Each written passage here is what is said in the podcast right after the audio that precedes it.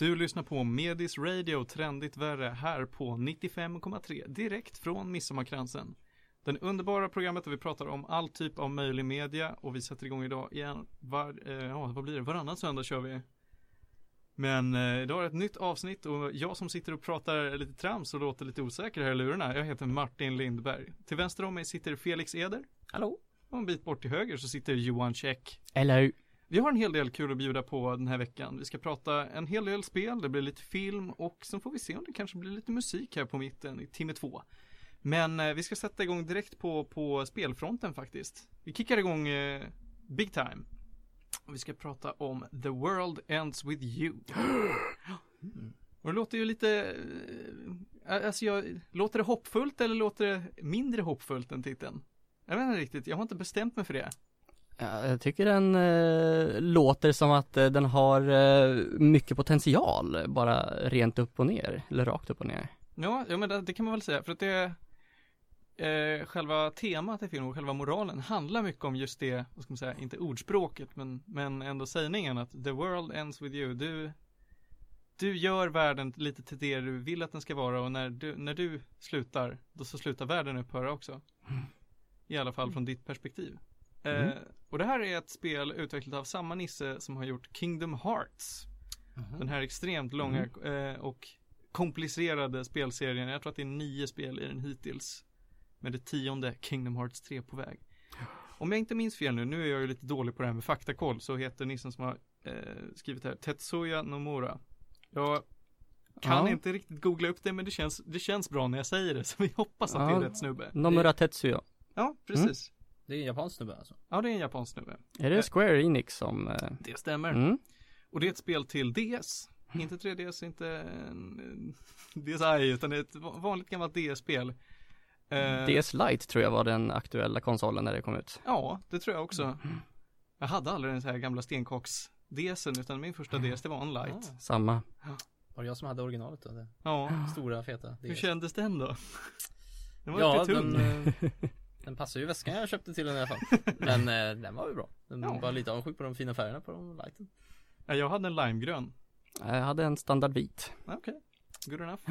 Nu har jag ju en eh, Super Smash Bros eh, skinnad eh, 3DS som jag är rätt nöjd över. Ja, jag eh, funderar på om jag ska köpa eh, Ronjas eh, illrosa. Ooh. Vi ska lägga till det att om några minuter så kommer vår sista panelmedlem Ronja Budek att rulla in men kollektivtrafiken har ställt till det. Så kan det vara. Mm. Men tillbaka då till The World Ends With You och vad det, vad det är och vad det handlar om. Man kan ju tänka sig att eftersom att den här Tetsuya Nomura då är så himla duktig på att skapa historier som är stora och eh, långa och, och extremt komplicerade så kan man tänka att det återspeglar på hans då andra spel som inte har någonting med Kingdom Hearts att göra. Eh, och det gör det verkligen. Det är, en, det är en väldigt komplicerad historia om än att den inte innehåller lika många spel i serien utan det är, det är bara ett. Eh, och det handlar då om, åh gud, eh, det handlar om en, en liten eh, ung tonåring som heter Neku Sa- Sa- Sakuraba. Hå, namn. eh, som bor i en, en del av Tokyo, vad heter den här delen nu då? Fan, ja, sånt här ska man googla upp. Det är en Mm. jättekänd del av Tokyo. Eh, Bokoro heter den inte, Eh, för det är backarna- Akihabara. Akihabara, tack. Mm. Ehm, och han tycker, han tycker väldigt illa om folk. Han, eh, han tycker folk är, är bu, eh, han går runt med sina hörlurar och tycker att usch, ni som går där ser så himla glada ut, ni vet ingenting om, om vad världen egentligen går ut på, ni bara lever som, som får allihopa. Sen dör han. Mm. Mm. Ja, Åh nej. ja det var ju lite trist att eh, han går runt och är lite sur, sen dör han. Shit pommes frites. Hur gammal är han? Är han... Ja, jag tror att han är i så här 17 års åldern kanske. Skulle kanske inte sagt att han var en liten tonåring för han är nog ganska ga- äldre tonåring. Det var ingen naturlig död då? Han... Nej, eh, det, det, hur han dör är ett mysterium för han tappar lite minnet där mitt i. Mm. Eh, men han vaknar upp på precis samma ställen där han dog. Och känner att oj, det här var ju lite knasigt. Och han träffar på en, en massa människor som ber honom att göra en massa saker. Han träffar på en massa monster och han vet inte riktigt vad han ska göra med situationen. Men eh, eh, Men han känner, ja, ja, jag kan inte bara stå här och bli slaktad av monster. Så att efter att ha spöat på några Så får han reda på att han är med i något typ av spel. Eh, vad det här spelet nu heter kommer jag inte heller ihåg. Jag ber hemskt mycket om ursäkt. Eh, Det var ganska många månader sedan jag körde det här och jag hade inte allt för mycket tid att researcha det här nu. Innan jag skulle springa hit. Men det här spelet då går ut på att om du bara genomför en massa olika utmaningar som The Game Masters slänger på dig så får du överleva. Det är väl, det är väl inget ovanligt, det här känner vi igen. Vi har sett det här Mm. konceptet förut med någon typ av Battle Royale liksom. Låter lite som typ Sword Art Online eller något sånt. Ja, visst. Eh, det är nog mer likt Sword Art Online för det handlar inte främst om att du ska döda alla andra tävlande utan du ska bara genomföra allehanda olika eh, uppgifter likt Anime Sword Art Online och man ska väl, målet är väl att klättra till högsta nivån så får alla ja, överleva. högsta level eller något. Jag är Ja. inte helt säker. Eh, och den här Neku då, han, han eh, tycker att ja ja, fuck it, då eh, får jag väl ta och göra det. Men eh, han gör ju inte gladeligen för att det innebär att han måste samarbeta med folk. Men det, det finns, fortfarande, fy. finns fortfarande människor i det här döda landet. Ja, det finns människor i det här dödland. Det finns eh, folk som likt honom har dött på ett eller annat sätt och han kan fortfarande se alla människor som går runt där i Akihabara vanligtvis, men de kan inte se honom. Han är i någon annan, alltså på ett annat plan liksom, så att han kan, jag tror att han kan gå igenom dem och han kan se dem, men de kan inte se honom på något sätt. Eh, förutom då i vissa butiker, lägligt nog, som de här Game Mastersen då har, har förhäxat så att när han går in i butiken då blir han synlig för det levande planet och så kan han köpa saker. Det är praktiskt. Eh, och jag ska inte spoila allt för mycket av storyn. Eh, han träffar först och främst på en, eh, en liten tjej som heter Shiki. Någonting, någonting. Eh, som som eh, har en underbart gullig eh, katt, katt, ett kattgosedjur som han släpper omkring på och vill genast bli jättekompis med den här Neku då. och Neku vill absolut inte. Men de råkar sluta en pakt tillsammans i det här spelet då. Så de är fast med varandra. Eh, och Neko går igenom eh, det här spelet då och försöker att få tillbaka sitt liv för att det tycker han ändå var något värt att leva. Eh, och det händer, han träffar härliga människor och twist and turns på vägen. Eh, för det första vill jag säga att det här spelet är väldigt svårt. Eh, det, det, alltså det finns två typer av gameplay. Det är först att du springer runt i olika delar av Akihabara och eh, snackar med folk. Gör, löser små pussel liksom, pratar med folk i rätt ordning brukar det mest vara. Eh, och sen finns det den här combat-biten, och man slåss mot olika monster i den här eh, dödas värld på någon, på någon vänster. Mm. Och eftersom att det är ett DS-spel så använder du såklart din eh, DS-stylus för att slåss. Så att du håller på och slider omkring på olika sätt på skärmen och gör olika, olika mönster då. Och alla moves du gör, de eh, representeras av olika pins. Pin, alltså som du fäster på, på liksom din jacka eller någonting. Pins eller badges va? Ja, pins eller badges, det är väl lite samma sak i det här fallet. Det Mm. jag, i, I spelet så tycker jag att allting ser ut att vara någon typ av pin. Mm. Och det här var säkert jättetrendigt i, i Japan på den här tiden, men det är ju som sagt, det är ingenting som en, en vanlig jävla nisse skulle säga att wow, vi sätter på oss en massa olika pins för de ger oss krafter. Nej, det är inget västerländskt över det hela. Ehm, men då så i alla butikerna, då ska vi köpa de coolaste, de trendigaste pinsen. Det, det finns ju modepins till och med. Mm. Och det är också väldigt viktigt för att det finns ett dag, inte ett dag och nattsystem, men det finns ett tids, alltså ett, ett ja, eh, Majora's Mask typ. Eller? Ja men ty- typ. Mm. Tiden passerar och därmed så skiftar också trenderna över vilka pins som folk gillar och inte gillar. Oj. Och vad folk gillar, det påverkar hur starka de är i combat. Ah. Och i vilka delar av Akihabara som de här del, de pinsen är trendiga påverkar också. Mm. Så att du får rotera dina attacker beroende på var och när du är i den här världen. Och det är lite kul, det uppmuntrar ju till att man ska variera sitt spelsätt för att få Mhm. liksom bästa outcome.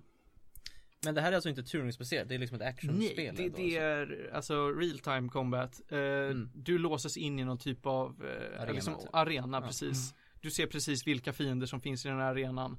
Akta dig för deras attacker, slå på dem tills de dör. Det är inte, oftast inte mycket svårare än så. Action-RPG-aktigt. Ja, precis. Action-RPG-aktigt. Det finns, det finns XP för dina pins så att du levlar upp dem. Det finns stats som du kan öka genom att, hör och häpna, följa mode. Oh! Inte mode på pins den här gången, utan mode på märkeskläder. What? Ja, för att de tillhör ju också olika märken, likt pinsen. Så att du ska du gå och köpa, ja du kan köpa någon ny keps, en rygga, ett schysst gosedjur, jag, jag vet inte. Mm.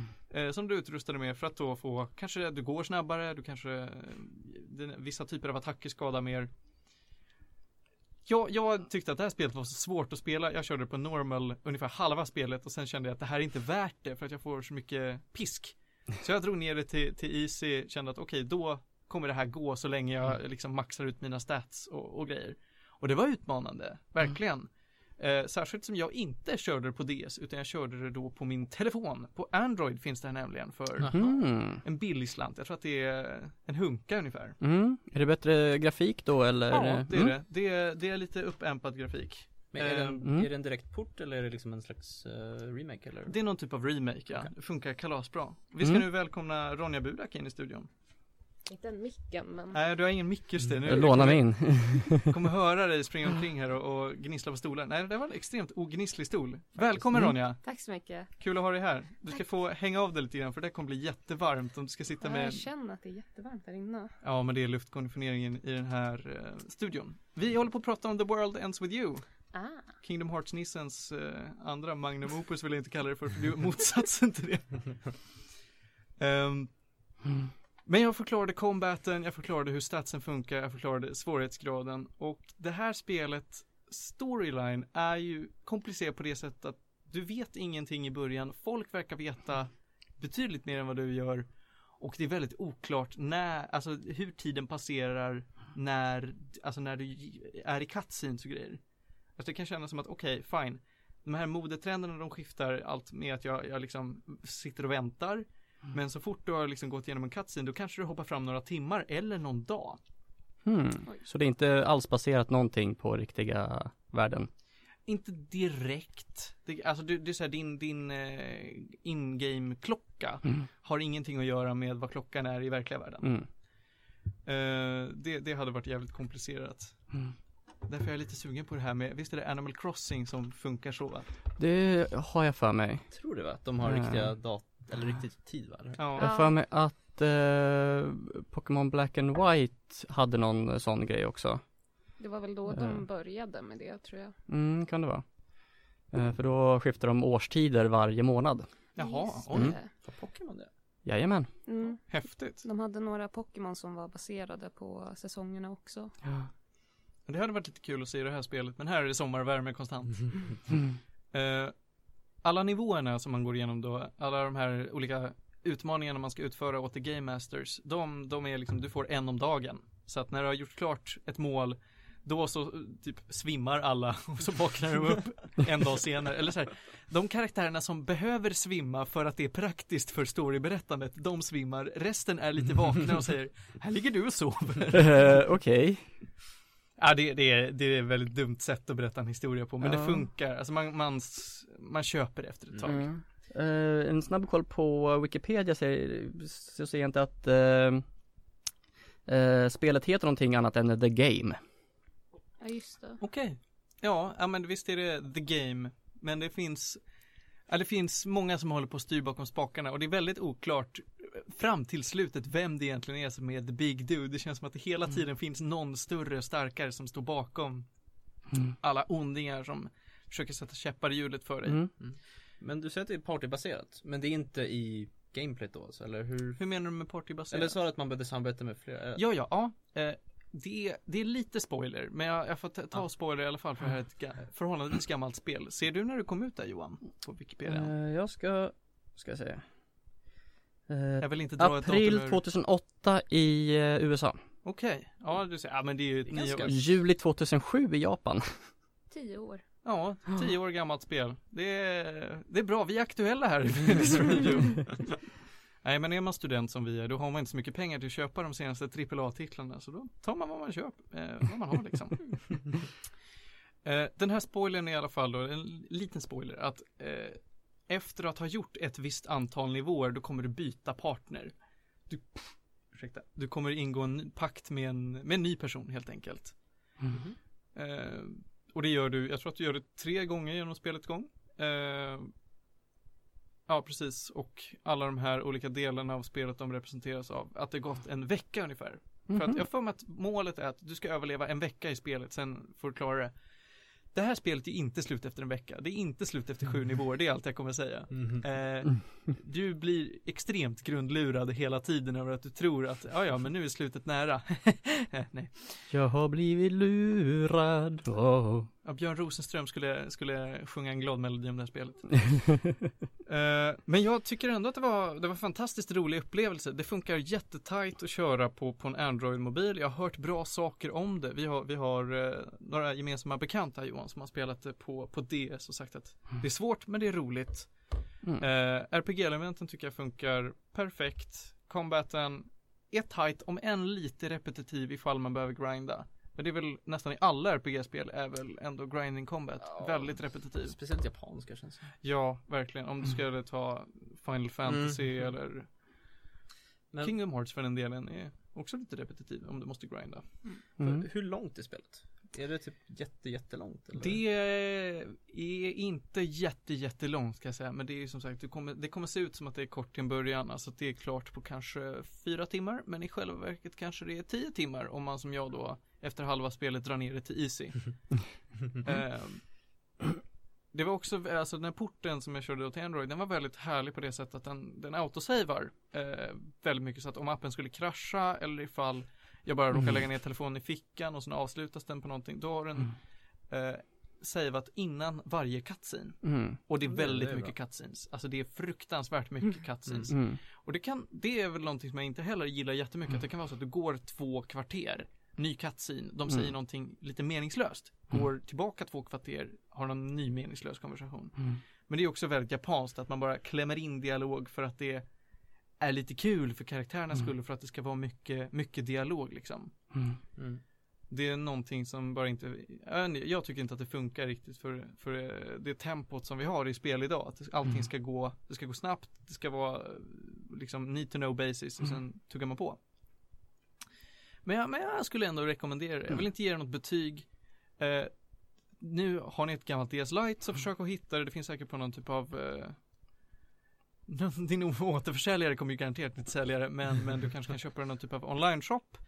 Eller så kan du skaffa det då till Android. Jag vet inte om det finns till iOS. Har du en? Jag har inte iOS. Nej men jag tänkte om du hade en Wikipedia uppe för det. Det har jag nog, ska se. Um, Johan som sitter med datorn här och kan söka upp saker lite snabbare än alla andra. eh, Faktakoll. jajamän, ska se. Men rekommenderar du så DS eller Android? Eller vad Jag tror kan du? inte säga om, om eh, nå- någonting om, om DS-versionen mer än att de som jag pratat med som har kört det tyckte att det var bra. Den ska finnas till iOS. Ja, men då så.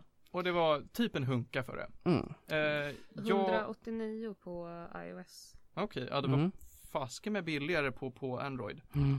189, ja men Sen det, så finns det ju också diverse retrospelbutiker Mm. nu för tiden också. ja det finns det. Man, man ska väl ha tur för att kunna hitta sådana guldklimpar. Alltså de bra Mm. spelen är ju mycket borta i sådana här retrospelbutiker. Mm.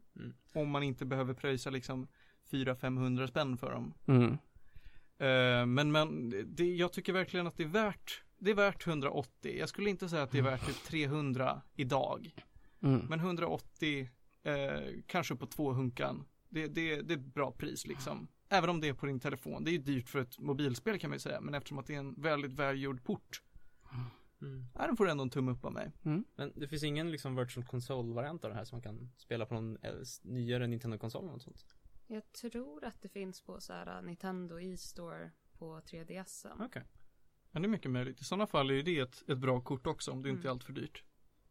Ja. Men det är en bra historia som berättas, tight combat. Det, det känns ändå lite, lite fräscht det här med att alla attackerna är pins som du liksom swappar ut lite till och från beroende på vilka som är, är inne så att säga. Mm. Eh, så att, ja, men det, it brings something new to the table. Jag är nöjd. Mm. Ska vi, ska vi ta och gå vidare därifrån? Ja, får jag köra en liten anekdot där kring autosaving? Ja men det får du absolut göra. På Eh, tal om autosaving. Ja! eh, nej men eh, jag, eh, eller snarare min tjej har eh, börjat köra Bioshock Remastered för att hon har inte spelat den serien. Eh, och eh, hon hade liksom så kommit ganska långt, liksom så här, sparat lite så här eh, emellanåt.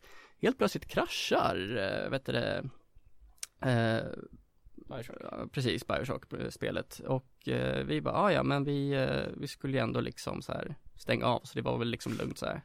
Sen när vi körde nästa kväll, vi bara, men det här är ju inte rätt område, vad, vad fan hände här liksom så här.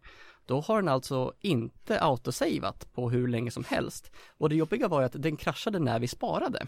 Uh, Ah, så att den save-filen blev korrupt på något sätt? Ja, Aj, Och det, och eh, det har också visat sig att eh, det här har hänt flera gånger just när vi sparar.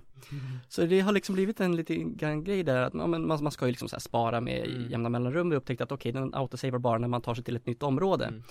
Mm. Eh, och, eh, men då liksom när man bara, oj shit, nu har vi spelat en timme, vi kanske ska ta och spara, krasch, man bara, ja det var den timmen. Eh, Så jag vet inte om det är eh, något konstigt med eh, Steam eller det eller om det är någon portning som bara är CAS. Jag har ingen aning om vad andras erfarenheter är- är med det här.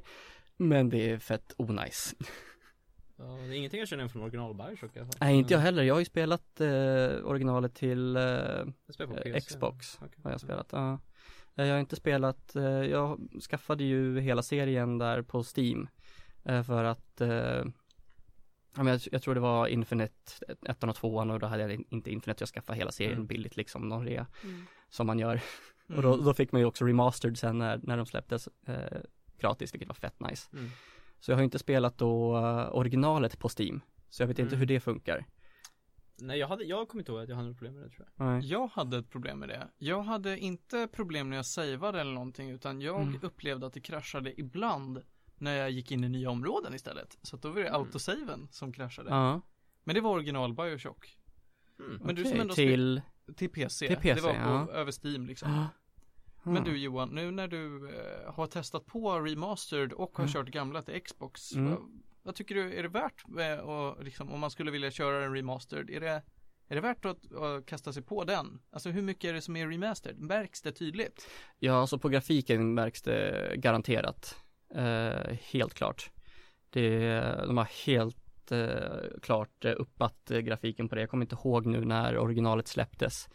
Men eh, det var väl 2000. Ja, Ja. sju låter bra. Ja. Det låter ganska rimligt faktiskt. Eh, så att jag menar, där, där har ju liksom 10 års eh, eh, grafikuppdatering. Och Mm. det känns också som att de har eh, eh, det var kanske inte högsta leveln men ändå liksom väldigt hög nivå har de eh, uppat grafiken. Eh, men däremot eh, mekanik och sånt där har de inte gjort någonting med det. Men har man inte spelat Bioshock tidigare så absolut kör remastered. Eh, för det ser fett snyggt ut. Det är riktigt snyggt. Ja, Det ja, såg snyggt ut redan då när det kom ut så att Mm. eh, ja, verkligen. Ja, men det är ju, det är ju ett väldigt bra spel på må- många sätt. Liksom. Mm. Det berättar ju, Värt att spela i alla fall. ja, det berättar Mm. en väldigt häftig historia om den här underliga världen. Mm. Men det är ett eh, ämne för en annan dag. Och på tal om underlig värld så ska ju du få prata om en väldigt underlig film, Felix. Ja, på tal om gamla grejer så kan vi prata om någonting nytt istället nu. Som är typ, jag vet inte om det är släppt. Jag tror det, i alla fall är det släppt nu. Det är en svensk film som heter The Square. Som är, eh, den är regisserad av Ruben Östlund, som är samma person som gjorde Turist, som kom ut eh, några år sedan. Och han är någon regissör som oftast gör väldigt, ja, det är inga upplyftande filmer i alla fall liksom. Oftast ganska dystra och sådär. Ja, Jag kommer ihåg när Turist gick på bio. Var det en film som folk gick och såg? Jag vet inte, ärligt talat. Jag vet att den fick, den blev ju Oscarsnominerad i alla fall tror jag. Jaha. Bästa utländska. Så att, och de ryktas om att den nya också ska I vilket fall, The Square handlar om Alltså vad jag förstår det som är det typ framtida Stockholm men det är så här väldigt oklart för att det är eh, Vet du det, det finns ingen monarki längre utan det är någon slags Kungliga slottet har gjorts om till en konstutställning Som heter X-Royal eller någonting typ. Okej. och det är där hela liksom typ filmen utspelar sig. Man får följa en dansk eh, typ museichef typ eller någonting. Han har ett chef, eller han, vet du, han har ett museum I Kungliga slottet som är ett konstmuseum där han har massor med konstiga Konstiga konstutställningar helt enkelt. Mm. Där de har man, liksom allt från ja, men, eh, De har typ ett ställe med massa sandhögar man kan kolla på dem och jättemycket skumma grejer man får lära sig om typ. Eh, Och så får man följa han när han ska öppna en ny utställning som heter The Square Som är egentligen bara en ruta. Som är typ så här, det finns lite olika rutor, de har en ruta utanpå torget, de har en ruta i I liksom olika utställningar. Och det är liksom The Square handlar om att När man befinner sig i The Square Så är alla lika värda och alla är Typ ingen har någon, liksom man är exakt samma, man är bara människor liksom på något sätt. Mm. Och den här filmen är, är lite svårt att förklara men den handlar typ om Hur ska man säga? Och jag fattar det som typ Dels pretentiösa konstutställningar Men också typ eh, civilkurage typ eller någonting För Mm. det handlar ganska mycket om att Hur ska man säga? Liksom filmen börjar lite grann med att Han blir typ mitt på stan på typ något torg någonstans Så kommer en tjej springa mot honom och bara "Ah, Hjälp, jag blir, jag blir rånad Och han bara liksom, bara, vad är det? Så här, han liksom hjälper, hjälper henne och så kommer en person som är skitsur Och han så här försvarar henne och bara "Ah, shit nu gjorde han någonting bra här så nu känner han sig duktig liksom så här. Och så drar hon iväg och så, så bara märker han bara shit, plånboken Mm. Ehm, Mm. Och då är det så här, det- och det börjar med att, och då är det liksom filmen lite handlar om att han försöker liksom få tag på plånboken genom att söka upp var, och mobilen och söka upp vart det är någonstans och Mm. på det sättet så För han är så här, han jobbar i Kungaslottet, han kör runt i en Tesla, han är väldigt liksom Vad ska vi säga, han, han är ganska högt ställt liksom, bra ställt Mhm. Och han åker ut i förorten typ med sin Tesla liksom, någonstans långt ute eh, För att han ska tillbaka sin plånbok och så han se typ folk bor där och så Och börjar liksom så här, först är han Först är han bara skitsur för att de tar hans grej liksom så han börjar liksom dela ut brev överallt och lägger ut så om du har min mobil, ge, lämna den på 7-Eleven typ Så det det kommer ju hända. i alla fall för att han vet liksom bara typ att det är ett hus, han bara lägger brev i, han printar ut typ 100 brev och lägger liksom i varenda brevlåda typ för att hitta skurken typ Mm. Ehm, I vilket fall, och då får man liksom följa Ja, helt enkelt hur han typ alltså liksom, Han blir typ, hur han liksom upplever en helt annan värld typ att Från alla konstutställningar och allting som är så modernt typ till hur folk faktiskt typ lever eh, Och hur liksom stora, eh, vad ska säga, typ klasskillnader och sådär liksom. För han börjar liksom träffa på typ så här, de här personerna som han liksom har Typ utsatt för någonting när han liksom anklagar hur många som helst för att ha snott hans plånbok och så börjar han liksom De börjar kontakta honom och liksom vem, vem är du, vem, varför, varför de, de vet inte alls vem han är, varför pratar du med mig om det här? Typ och sådär. Och samtidigt som allt det händer Så är det liksom folk typ så här kommer till den här konstutställningen så här från olika Typ olika recensenter och högt uppsatta personer och eh, Ganska kända skådespelare, typ eh, han från The Wire och eh, Han från The The Wire. Wire. Han från The Wire. Och hon från Mad Men Ja, vad fan, nu har du pratat om hon Men, från eh, Mad vänta, Men vänta, tre hon från Mad Men, inte det hon Kristina Eh, Elisabeth eh, Moss Nej, det var inte hon, henne jag menade. Hon kan inte varit med eftersom det var inte henne jag menade. Nej okej Okej eh, I vilket fall, och då får man liksom Man får helt enkelt se hur den här personen som är liksom jobbar på det här museet typ mer och mer Alltså mer och mer i samband med utställningen The Square som handlar om att alla människor har på något sätt lika värde så börjar han typ själv inse det också. Ju mer han börjar interagera med folk Som inte jobbar på hans museum, som inte liksom är, jobbar med konst och bor inne i stan. Han börjar liksom åka runt och träffa massa typ barn som kommer utifrån förorten och Börjar se typ deras liv på något sätt eh, och sånt. Eh, Och samtidigt så så finns det en scen i den här filmen som, jag har aldrig sett en karaktär spela en gorilla på ett så bra sätt någonsin. Alltså det är helt sjukt, det är liksom det, den, alltså, det, Jag ska inte spoila den för den är jättehäftig men Ja, det, det, är en, det är en scen där det bara en person som spelar en gorilla i typ en kvart typ och det är helt sjukt imponerande, alltså det är typ Oscars material alltså det är Jag har aldrig någonsin sett en så bra, Är det bättre än Italiens bidrag i Eurovision? jag har inte sett det Oj, wow.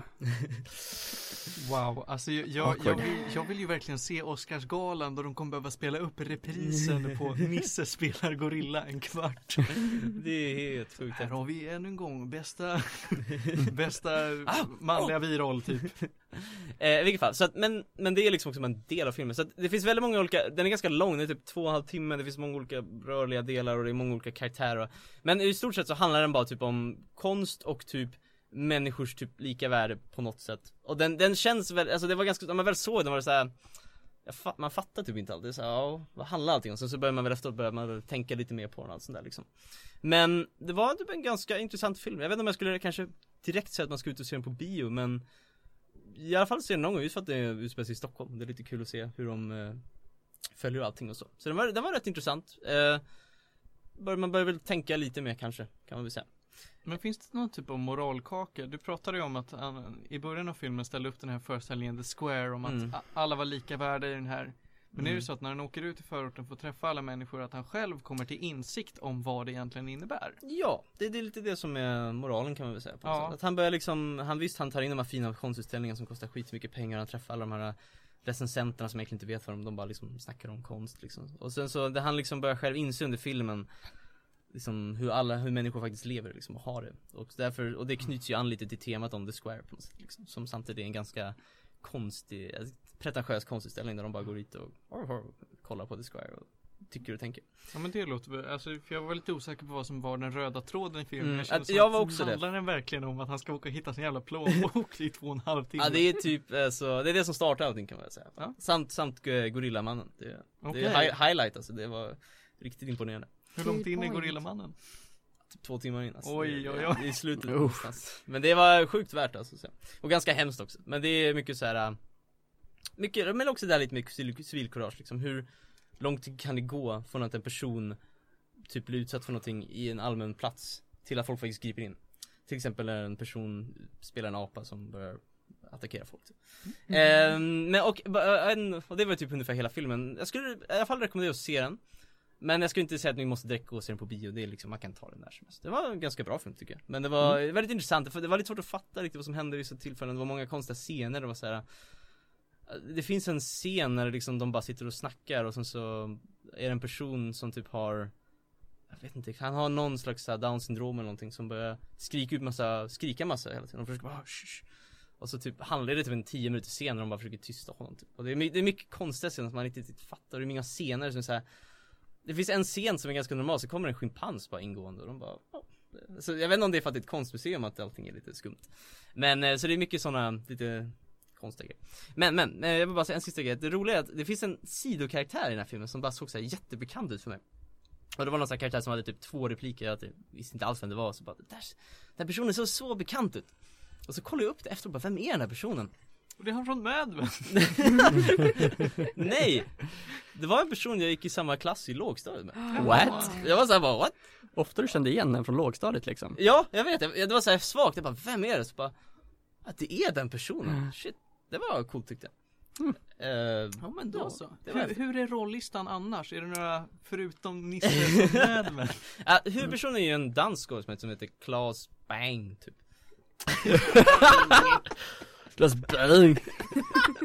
I halsen. Eh, Typiskt hittepå danskt namn. Claes Bang. Jag är rätt säker på Så här infomercial namn. Bang och smutsen är väck.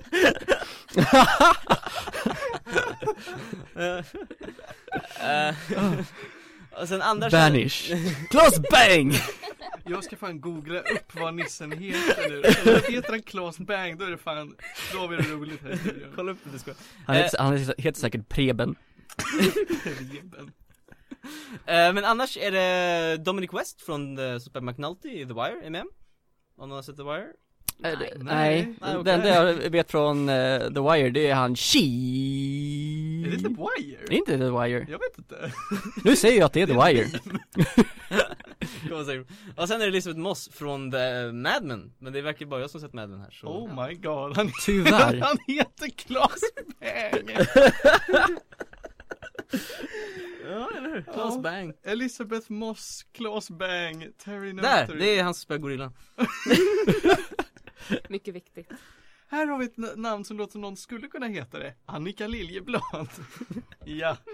Ja, men i alla fall så filmen är ganska, de pratar både liksom engelska, danska och svenska bland, ganska blandat i de här filmerna Mm. Vilket var intressant Men eh, så overall, en ganska intressant film Mm. Jag vet inte om jag skulle säga att det är den bästa film jag sett Men eh, jag skulle, absolut värd att se Mm. Och så får vi se, jag vet inte, många säger att det här kommer bli Sveriges eh, Oscarsnominerade film det här året, får se Som turist var förra gången när han, Ruben Östlund gjorde en film Så, eh, rekommenderat Och sen så kan jag ju faktiskt pitcha att den går på bio typ två kvarter ifrån Sen Jaha. Sen? Om man vill gå Oj. Ja, jag tänkte Ingen inte raida. Pokémon, men vad fan titta på Claes Bang i två Det är ju ett måste. Ja, det är ett måste verkligen. Eh, jag vet inte, det var nog det jag tänkte säga nu tror jag, men det är en intressant film eh, Men det är ingenting jag skulle absolut säga att ni måste se, men eh, Hur många stjärnor av fem?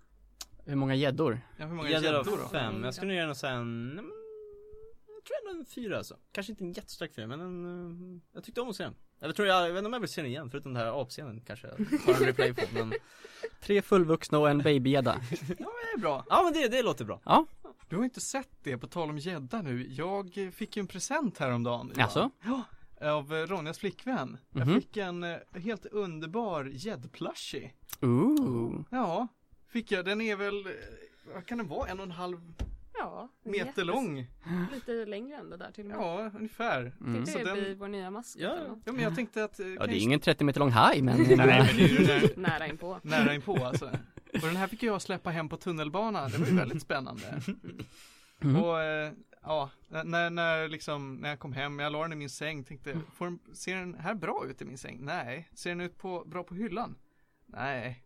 Ser, ser den bra ut på väggen? Ja! Så jag funderar på att sätta upp den på väggen. Ja. Och mysa med när, när det passar liksom. Nu, Det låter bra. nu ska vi se då. Vad har du googlat upp nu? Jag ser inte härifrån. Vad är det för någonting? Det är Clay Davis of The Wire som säger she Jag tänkte du hade googlat upp Claes Bang compilation. Hur stavar man bang? Är det med det här Det eh, Bang. fucked up? Nej det är Nej, Bang. Claes Bang? Claes Bang. Claes Bang Med C. Med C Claes Bang Det här är ju också för övrigt väldigt bra radio. Titta på Claes Bang. Men vi måste ju med, veta. Ja we gotta know alltså. Tänk om han är jättetråkig. Tänk om han är en sån supertrist karaktär som bara pratar vanlig danska och inte är så mycket för världen. Oj jävlar vad manlig han ser ut Han ser ut som så här James Bond typ Ja men typ, han skulle Ja, kunna vara en, eh, en dansk Bond liksom Ja, det kan man väl säga. Så verkligen man-man på det där. Åh jävlar. Aha. mm. Men kolla upp Åh, eh, Gorillamannen också, det är Går som en karl. Han skulle typ passa, som han skulle en passa in i Game of Thrones typ. Ja, säkert mm. Ja, men det var nog det jag tänkte säga om den filmen tror jag, det är en kul film Ja, Eller ja, det ska jag inte säga, det var inte roligt att se men den var intressant The Square har faktiskt fått 8,0 på IMDB oj. mm. men Den är rätt hyllad faktiskt av kritiker mm. Okej. Ingen aning om den faktiskt går att se typ utanför Sverige men eh, Jag vet att Turist var ju rätt populär ut, ja den blev Oscarsnominerad så jag får se om The Square blir samma Alltså den kom ju ut för typ en vecka Ja, ja sedan den är bara. ju jätteny, den, Ja. typ en vecka sedan Helt färsk mm. En Ja. färsk fisk på eh, filmmarknaden Ja, får se om den får något genombrott, slår igenom det, Jag vet inte, alltså det var ju kul att se för att den utspelar sig i Stockholm men Jag vet inte om det är, Det var en kul film i alla fall Ja, vi får Mm. hoppas att det finns några finkulturintresserade som är sugna på att gå och se den här. Då finns ju möjligheten. mm. Eh, och nu, jag har alltså fr- från den här extremt underliga filmen, jag har ingen bra övergång. Alltså, jag har funderat på en bra övergång. Men, men jag, jag, hittar, jag hittar ingen bra övergång över, eh, överhuvudtaget. För nu ska vi prata om ett spel igen. Mario plus Rabbids Kingdom Battle. Är det någon som har en övergång på det här? På, På tal om rugged men. På tal om Gorillamannen. Kan vi prata om andra djur? Kaniner. Gorilla kaninen, eller hur? Donkey Kong Rabbit ja just det, det har du faktiskt rätt i Yes, jag Ja. hittat en övergång. Vad bra, inte allt krystat, inte alls krystat Nej precis, alltså jag, jag, det är inte alls så att jag måste pausa programmet för fråga Hjälp, jag behöver en övergång Vilket nästan hände ändå Ja, nej det, jag sa det ironiskt, det var ju naturligtvis precis det som hände Men Johan, snälla bara rädda mig från den här extremt pinsamma situationen och prata om kaninerna. Så ja, Mario plus Rabbids Eh, för de som inte känner till Mario, jag bara skojar. Alla känner till, alla känner till Mario. Jag bara skojar. Uh, Inside jokes. Eh, eh, Nej men eh, Mario plus Rabbids är alltså ett nytt spel från eh, Nintendo som är utvecklat av Ubisoft och eh, alltså kombinerar två universum, alltså Nintendos Mario och eh, eh, Ubisofts Rayman. Fruktansvärt underligt, otippat, men det, det, jag, I'm intrigued. Ja, eh, och det de har kommit upp med är helt enkelt en Nintendo-version av XCOM. Va? Ja, så alltså eh, Jag vet inte hur jag ska komma in på, på det här på ett bra sätt, men det som händer är alltså att eh, Rabbids på något eh, konstigt sätt eh, med sin time washing machine eh, kommer in i ett laboratorium där en, en tjej har uh, uppfunnit en hjälm som kan merga saker som de så här bara kommer underfund med, här ska vi pilla. Eh, för att Rabbids är eh, De är en, pilliga alltså de är de är allt. Eh, jag rekommenderar folk att eh, typ gå in på YouTube och söka på uh, Rayman Raving Rabbids eh, och eh, kolla på alla de här klippen för jag tycker de är helt fantastiskt roliga. Men det är kanske för att jag har särskild humor. I alla fall. Johan är också sju år gammal ja, i eh, mitt huvud. Eller inombords. Eh, för Rabbids kommer ju faktiskt ifrån eh, Ray, Rayman Raving Rabbids eh, som var ett partyspel till Wii, första Wii. Visst var det bara till Wii va? Ja. Mm. Eh, där Rayman blir tillfångatagen av eh, Rabbids och eh, i eh, något Colosseum-aktigt eh, vis blir tvingad att eh, eh, göra massa konstiga minispel som man ska ta sig igenom. Eh, och publiken är bara så här, shit nej, fuck eh, Rayman liksom så här. Men ju fler och fler eh, sådana här minispel han klarar, desto mer populär blir han. Eh, Det finns ju en uppföljare till det här, tvåan mm, en Är det i ettan eller tvåan som syftet med spelet är att samla på sugproppar för att kunna ta sig ur det här kolosseumet?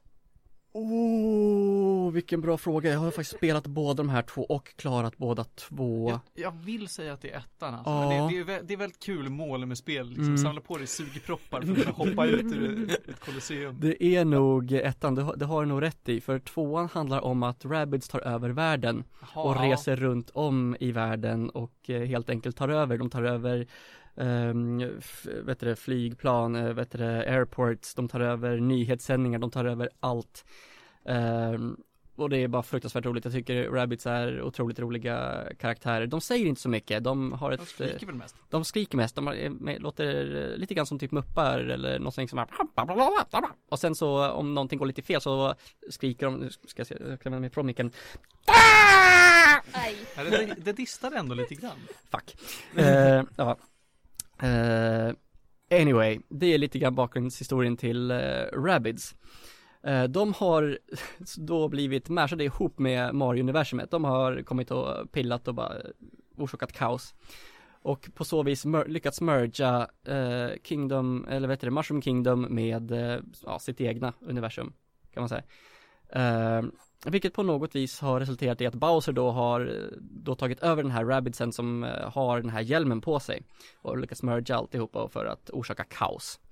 Så det är massa då eh, Rabbids eh, eh, runt om i Mushroom Kingdom som har liksom blivit distorted för att allting har så här flyttats omkring på grund av mergen. Ehm, så att det blev lite, lite grann av en merge-konflikt, haha, dataskämt. Eh, eh, men eh, så, så då blir det så att det är en massa rabbits som på något vis blir korrupta och eh, bad rabbits. Men det är då en select few rabbits eh, som har lyckats bli mergade och ser typ ut som Princess Peach, Luigi, Mario och Yoshi.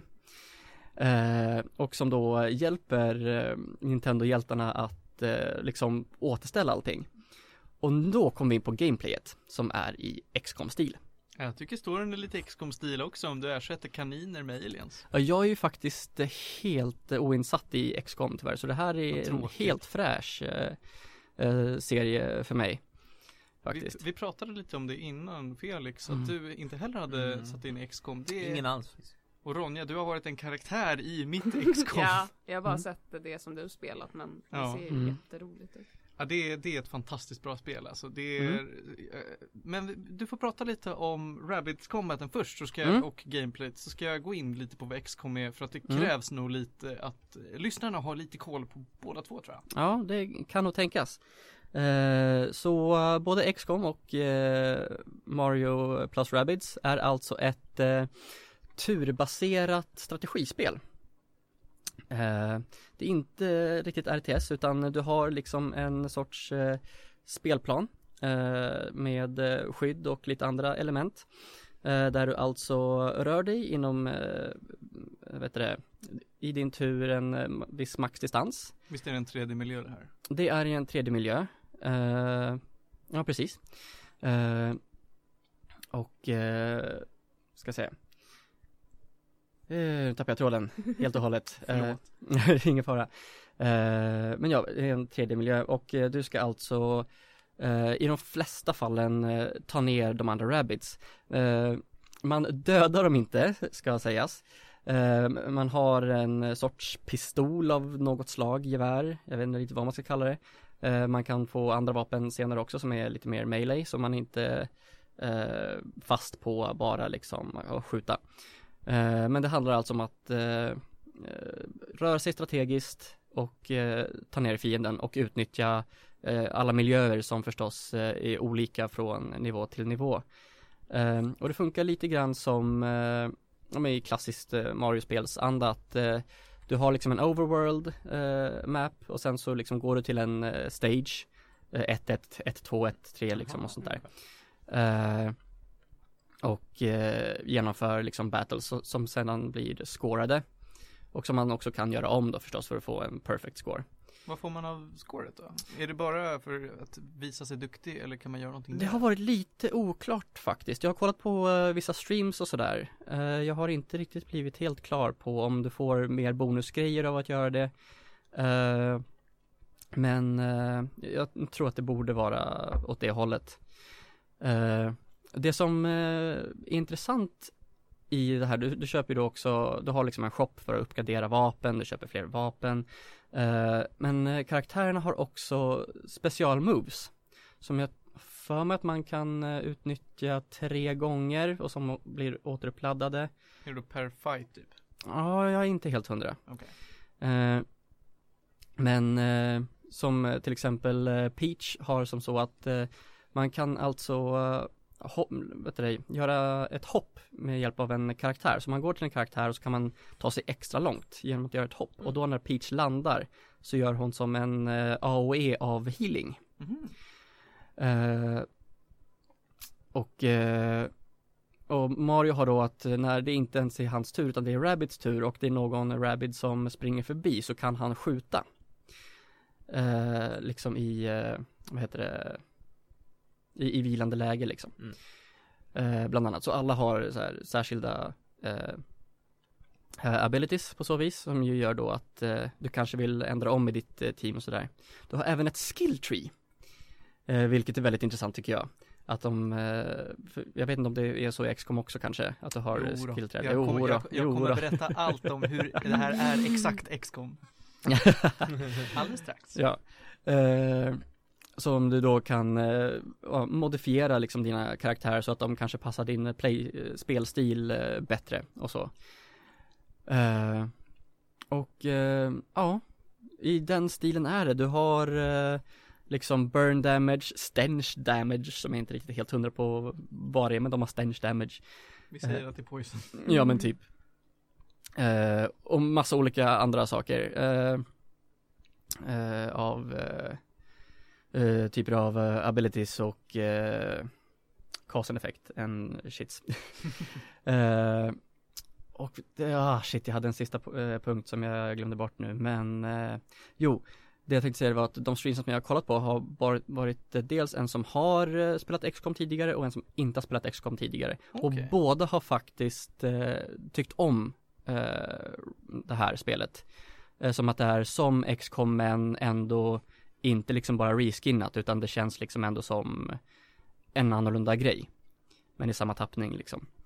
Eh, så att det är värt att kolla upp även om eh, man har spelat XCOM tidigare. Jag har dessvärre inte en egen switch, annars hade jag nog garanterat köpt det här spelet. Eh, bara för att det ser fett nice ut. Och då hade jag ändå inte hört talas om XCOM, men nu kanske jag börjar kika på XCOM också, bara för att det verkar vara samma stil, även om jag vet inte riktigt om jag är ett så stort fan av hela settingen i XCOM, men vi får se. Jag kommer nog, Ja, du kan ju ge det en chans. Ja. Jag kan, du kan nu få, får du berätta så att eh, Ja, du jag med lite hype. Mm. XCOM då är ju från början en väldigt gammal spelserie. Eh, som, som också då en, en eh, taktisk och strategisk eh, sh- shooter i någon typ av turbaserad 3D-miljö. Mm. Eh, men nu så på, på senare år, jag tror att det är 2011, 2012 kanske, eh, då så släpptes XCOM Enemy Unknown. Ja, det, är, det är ett, eh, också ett årtal jag bara drar ur stjärten. Det kan vara precis när som helst. Eh, och nu så här, om det var 2015 eller 16, då köptes, släpptes med XCOM 2, som egentligen inte alls är XCOM Mm. 2, men det är en direkt uppföljare till, eller inte en uppföljare, utan det är ifall XCOM 1 sket sig, eller XCOM Enemy Unknown sket sig, så hände XCOM 2. Eh, då handlar det istället om att mänskligheten blir invaderad av aliens och man ska på samma vis som då i Rabbids få olika typer av, eller förlåt, eh, Mario plus Rabbids, eh, samla ihop ett gäng, eh, eller att du ska träna ett gäng soldater med olika förmågor, olika klasser till att då gå från bana till bana, spöa på aliens och samla på sig olika eh, material för att kunna uppgradera sig, få XP för att kunna bli starkare och få nya förmågor och så vidare och så vidare. Mm. Likheterna är ju enorma här från det Mm. du har sagt Johan. Mm. Alltså det här, du nämnde specifika förmågor som att någon kan hoppa och göra healing i ett område. Visst, ersätt healing med att de kanske gör alla snabbare eller gör alla lite starkare Mm. eller gör lite damage i ett område. Mm. Och att Mario kan skjuta på, på kanin som springer förbi, ja, det är att ställa sig i Overwatch. Inte att förväxlas med Blizzard Shooter, utan att man ställer sig i en typ av övervakningsläge Mm. och skjuter på det första som rör sig. Mm. Eh, så att jag tycker att det här låter ju som mitt första XCOM liksom för, för, för den yngre publiken. Jag, Mm. har sett, jag har sett en hel del recensioner och lite Mm. streams av det här. Och jag tycker att det verkar som ett barn, alltså en barnvänlig version av Mm. de, här spelen. För att Mm. XCOM det är inte gjort för barn. Det är Mhm. fruktansvärt svårt för det första. Mm. Det, det är Jiddrar du så dör du kan vi säga. Fuckar du upp en grej då, då kan hela ditt party vara kört. För att hela, alltså hela poängen med XCOM är att dina karaktärer perma dör. Mhm. Oh. Ja, eh, om det, du kan stänga av det. Eh, men alltså om, om dina karaktärer dör och du liksom inte har tillräckligt starka karaktärer att backa upp dem med. Då är du lite körd därför att miljön runt omkring dig på, från bana till bana den anpassas inte utefter hur starka dina karaktärer är utan du anpassas efter hur långt in i storyn du är. Mm. Så att om alla dina superkaraktärer dör Då är du fast med att kanske inte ha tränat upp så många andra så att du kanske har bara rekryter liksom Och så ska de slåss mot Super Mega Alien 500 eh, Du är, du är körd Mm.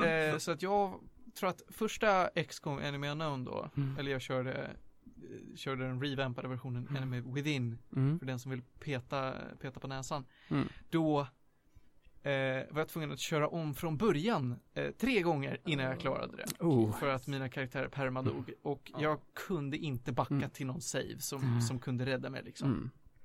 Mm. Eh, Mm.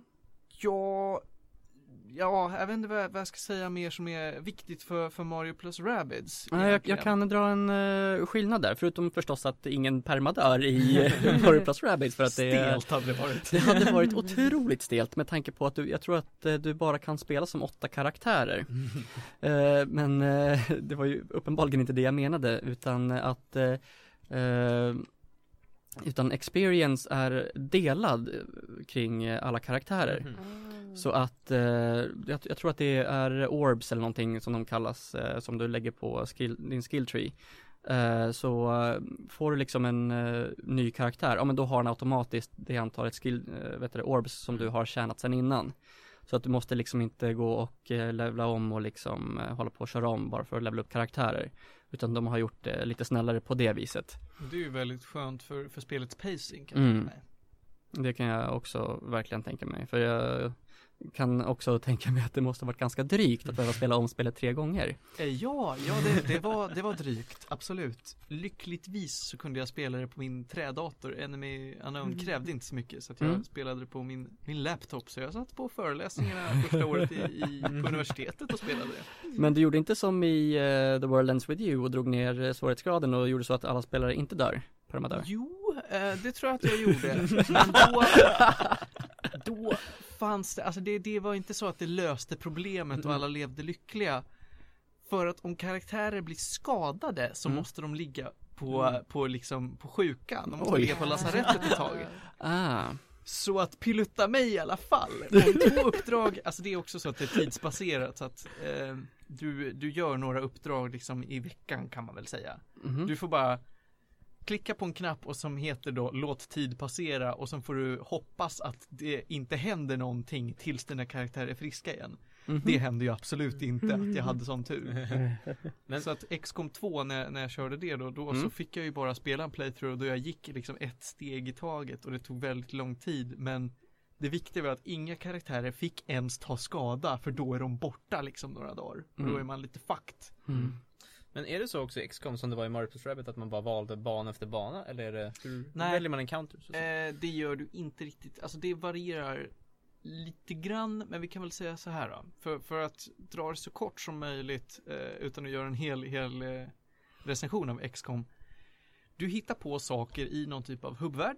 Mm. Eh, som är då din huvudbas liksom. Där uppgraderar du soldater och du tränar nya soldater och whatnot. Du trycker på den här härliga knappen låt tid passera.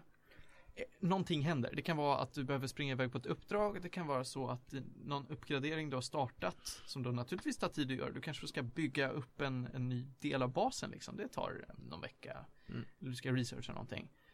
Eh, det kan vara så att du får råka få lite stöd eh, i form av pengar eller i form av eh, uppgraderingsmaterial från, från staten. Nå- någonting händer liksom. Men, men allting sköts utifrån den här låt tid passera, se vad som händer knappen. Svarar det på din fråga? Typ, så det du, är ändå går, i- alltså du går inte från bana Nej, till bana det är så. ändå, men Mm. Ja, Ja, nu, ungefär. Ja, jag, jag, en grej som är viktig att säga är att Mm. du gör olika quests i, i XCOM. Alltså du Mm. kör olika banor som är helt slumpmässiga. Alla är procedurally generated. Mm. Vilket innebär att ingen bana är den andra lik liksom. Men, men många Mm. kommer du göra i samma miljö. Mm. Man ser att okej, det här är kraschat rymdskepp miljön och den Mm. ser Mm. ungefär ut så här. det är inte som typ Starcraft att det är liksom varje bana är designad Nej. Nej, okej. Nej, Mm. inte så. Mm. Utan alla följer en viss mall. Mm. Eh, och sen när du har gjort då ett uppdrag, det kan vara så att på, du ska lyckas då slumpmässigt möta den här typen av alien. Du måste döda den med det här vapnet för att då för storyn framåt. Sånt här, det, det eh, i de gamla XCOM från, från liksom 90-talet, då fanns inte den här hinten som sa att det här ska du göra nu för att få storyn att gå framåt, utan då fick du upptäcka det själv. Och på den tiden när inte internet fanns att hjälpa dig med sånt här, då kom man inte så långt i de gamla XCOM-spelen. Det var verkligen gå till den här, stå på den här rutan, döda den här alienen med det här vapnet medans en av dina karaktärer är skadad typ. Då händer det grejer. Eh, vilket gamla XCOM tänker du på? Jag, alltså jag tänker på de här svingamla XCOM-spelen. Ja, Jag, för Enemy Within var ju bara från 2012. 2012, ja men då var jag inte allt för långt ifrån med min gissning. Mm. 2011 så tror jag Ja, 2011, 2012. Eh, men där, jag tänker på dem från, alltså om det inte är sent 90-tal så är det tidigt 2000-tal. Mm, eh, XCOM Terror from the Deep är faktiskt från 95. 95, ja. Gud. Ja men det är de jag tänker på i alla Mm. fall. Så att det är back in the day boy. Mm. De det- spelen är ju omöjligt ännu svårare för där fanns också permadeath vill jag minnas. Men det är samma Oh. sorts gameplay och allting i de gamla också eller? Ja, men tänkte att okej, nu är vi på 1995. Mm. Det var inte så, du, du kunde inte göra så mycket då. Mm. Okej. Eh, vill man höra mig snacka mer skit om XCOM eh, så finns det ett, ett avsnitt av vår gamla podcast Din dyrbara tid där vi har- gör en full eh, breakdown av då vad XCOM handlar om, hur man gör det och Mm. what not. Eh, googla på Din dyrbara tid XCOM så kommer du säkert hitta någonting. Mm. Mm, ja. Övergång på det? Nej men vi har tre minuter innan vi ska ta paus egentligen men vi kan ta en tidig paus om du vill. Mm. Om inte du Ronja, jag har det här extremt lilla inslaget.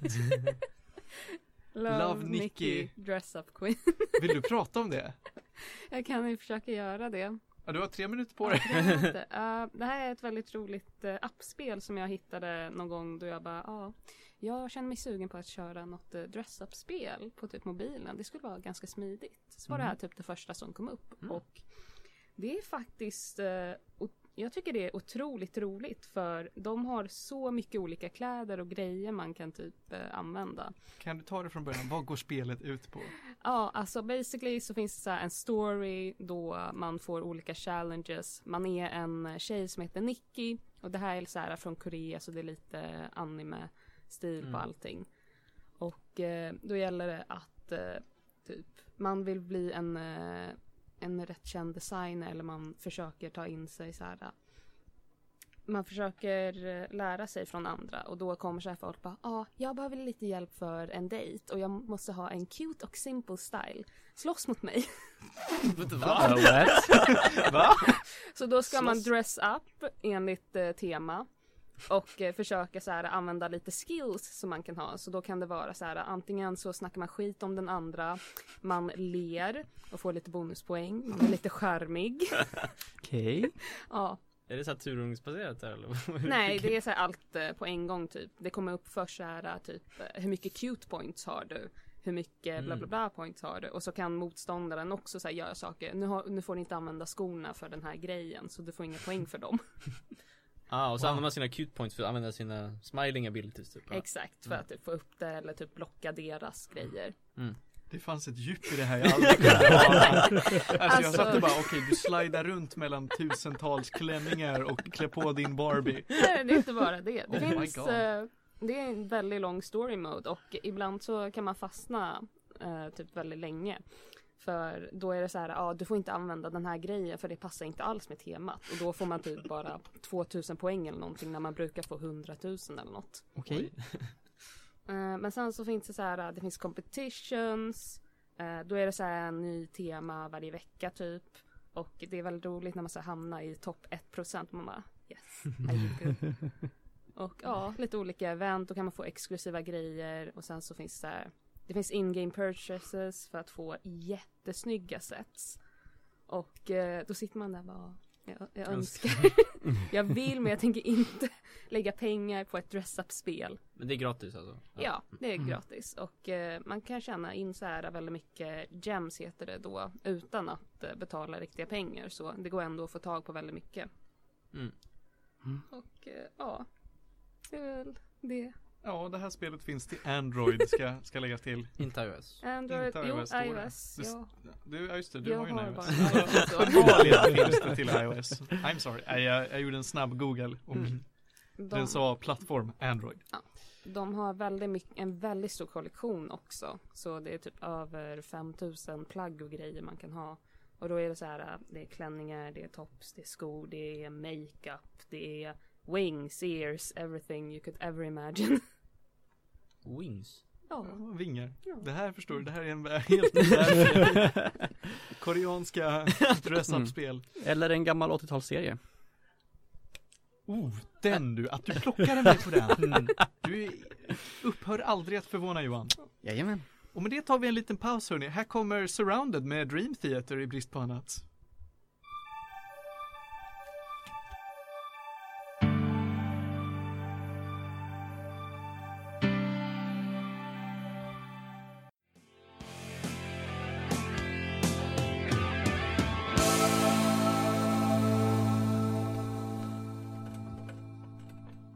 Och vi är tillbaka live hörni här på Medis Radio, trendigt värre, 95,3 din, din boj i bukten. Nej men jag vill, jag vill köra en liten Nile City där. Eh, vi ska prata om eh, lite mer typ av möjlig, möjlig media och finkultur och fulkultur. Fan, vi ska snacka grejer va. Eh, och nu har jag ingen aning om vilken ordning vi skulle köra det här i, för det. Vad skulle vi börja med? Vi kan prata med någonting som vi, vi som kom upp under pausen. Att eh, vi alla utom Ronja hade spelat Uncharted-spelen till, till eh, Playstation 3 och Playstation 4 och sådär. Men det var bara Felix som tyckte om dem. Mm. Jag och Johan har då spelat några av spelen. Jag har spelat de första tre, Johan Ja. du hade spelat två och Jag har bara spelat Bara tvåan en bit. Ja. mm. Jag spelade de första tre och en bit in i fyran. Och du har, du tyckt om allihopa? Jag tyckte om alla. Jag har tyckt om vissa spel mer än andra och jag tyckte om vissa delar väldigt mycket mindre än andra delar. Men jag kan ju bara introducera, alltså Uncharted är ju det är gjort av Naughty Dog som är typ vad, Det är nästan blivit Sonys liksom flaggskeppsspel nu ska man nästan kunna säga. Ja det kan man väl säga. Det är de som har gjort, oj jävlar nu försvann allt ljud från min, min hörlur. Men det gör ingenting. Eh, det är de som har gjort Crash Bandicoot, Mm. Jack and Daxter, Last of Us, Uncharted. Ja. Det är väl typ det de har gjort va? Ja, jag Ja. tror det. Men de har ju oftast liksom gjort för varje Sony-konsol har de gjort en av de mest kända spelserierna kan vi säga. Mm. Eh, Uncharted är ju liksom, ska, det är typ Indiana Jones fast för spel typ. Alltså det, du har en väldigt, eh, du har en hjälte en, som säger roliga grejer och springer runt och skjuter massa och eh, Nicolas. Cage i National Treasure. Ja men typ Det är nog direkt inspiration där eh, Och så har han, han springer runt och ska hitta hemliga städer och skatter och jakter och det är mycket personer han skjuter och klättrar och hoppar och äventyr helt. Han åker runt runt hela världen och Manlig Lara Croft. Ja, Ja. Nej men det var, det var det jag kände när jag gick in i det här spelet. Okej, Okej, det här är en manlig Lara Croft med lite bättre kontroller. Mm. Gillar jag Lara Croft? Nej. Gillar du Lara Croft Johan? Eh, ja. Härligt. Gillar du eh, Indiana Jones? Ja. Felix, gillar du Lara Croft? eh, ja, typ Och du, Alltså, min, alltså jag tycker inte om de senaste spelen jättemycket Men jag Okej. tycker de är okej Mm. Och så jag tycker om Indiana Jones, ja ja, ja men då så. Men då, Ganska jämna ändå då är vi ganska jämna. Mm. Men jag hatar allting. jag gillar inte Indiana Jones. Hatar du skatter också? Nej, alltså jag Jag tycker inte om Indiana Jones Nej, vad finns det att tycka om? Det alltså, Tycker de, tycker de Spelunky? Nej, gud nej. Fy fan vad jag hatar Nej! Spe, spelank, gillar spelanki, nej. Nej. Har, har vi några fler Indiana Jones? Eh, eh, Indiana Jones Indian, där har vi en kille för mig. Han Indian Jöns. När fan var det vi pratade om det? Det gjorde vi väl här om sista, jag pratade om Indian Jöns. Det, ja. det är du och jag som, det är vårt spex som skulle handla om Indian Jöns. Åh herregud. Vi spra- Ja! Felix Det är var- lite det här har- det här- Ja, är fruktansvärt. kanske. Det här är jättedålig radio där vi pratar om spex vi planerat skriva. Det är fortfarande kultur. Ja det är det ju ändå. Kultur.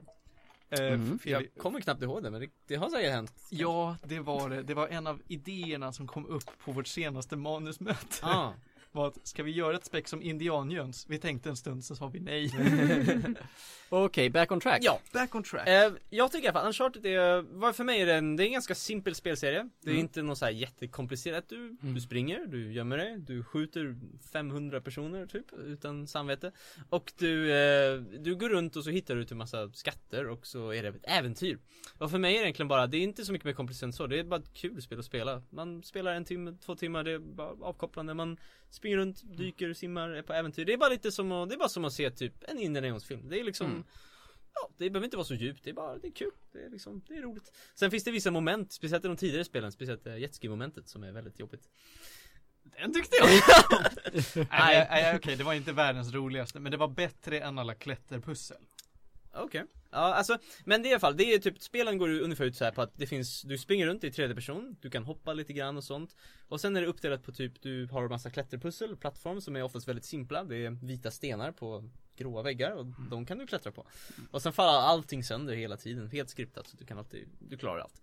Det är inte så svårt, jag, jag vet inte, det är alltså Det enda jag tycker, det, det funkar som att dela upp action lite grann. Lite quick time events också va? Lite ja, grann. lite men alltså det är typ så åh hjälp mig lyfta den här dörren, oh, okej så, Ja. och så, Om man sitter och mashar X. Ja, typ så, oh, thank you så Ja. Ehm, Men eh, så det är ju liksom Nu kommer jag, alltså det är ju, vad heter, och sen så efter det så är det att det är cover shooter gameplay Mm. Som är ganska varierande genom spelen, första är väldigt, väldigt repetitivt, sen blir det väl bättre och fyran är ganska roligt faktiskt Men, Mm. mm. ja i alla fall, det är väldigt simpelt, du har lite pistoler och så skjuter du folk och så dör de och så. Eh, Och sen det sista är att det finns pussel och de är typ jätte, jättesimpla. Det är typ så här, du går in i ett rum och så bara ah, det står något i min bok. Och så öppnar du så bara ah, du ska vända statyn ett varv. Och så, så ja, det är liksom verkligen, du läser och så gör du samma sak. Här finns vissa pussel som är svåra, men i regel är Ja, de nej men de blir bättre sen. Fy, trean och fyran har ett bra pussel, de Mm. tidigare är väldigt simpla. Jag och trean hade bra pussel, Mm, fyran också faktiskt. Ehm, I alla fall. Och eh, jag tyckte de första spelen var ganska bra. Alltså det var inget liksom mästerverk, men de var rätt underhållande. Jag tycker speciellt tvåan var kul för att det var väldigt många moment i det spelet som var roliga. Det var mycket häftiga scener, det var ett tåg som var väldigt kul, det var kul miljöer, det var kul att upptäcka olika städer. Sånt där, men liksom Mm. ganska simpelt så. Ettan är ganska, alltså det är lite, det är väldigt nytt, man märker att de inte riktigt visste vad de gjorde, det är väldigt repetitivt, väldigt mycket action och det är Men det funkar, det är en helt okej story, det är hy- hyfsat intressant Trean tycker jag kanske inte var den bästa av dem, det var lite rörigt, det var mycket scener du bara försvinner iväg till ett båt typ. Och så är det helt orelaterat i tre timmar. Och så säger han bara Ja vad bra att jag kom tillbaks typ. Och så är det, nej jag vet inte. Och nu har jag precis börjat med fyran. Och den känns väldigt mycket mer uttänkt ska jag säga. Den är väldigt mycket mer genomarbetad, storyn är jättebra Tycker jag hittills i alla fall. Gameplayet är mycket bättre, till och med klätterputsen blivit bättre för de har lite rolig repmekanik. Och det har blivit lite öppnare vilket jag själv tycker är kul för då kan du köra runt och leta efter skatt. Men det är sånt som jag tycker är roligt. Men overall, det är liksom inget jättekomplicerat. Jag tycker bara att de är roliga spel. De är lätta att spela, det är ingenting du verkligen måste sätta in i och levela och det är bara Du går och skjuter lite snubbar och hoppar runt och eh, hittar skatter. Jag vet inte, jag gillar liksom äventyrskänslan. Man känner sig som en eh, äventyrare, så får man sitta och eh, ha kul.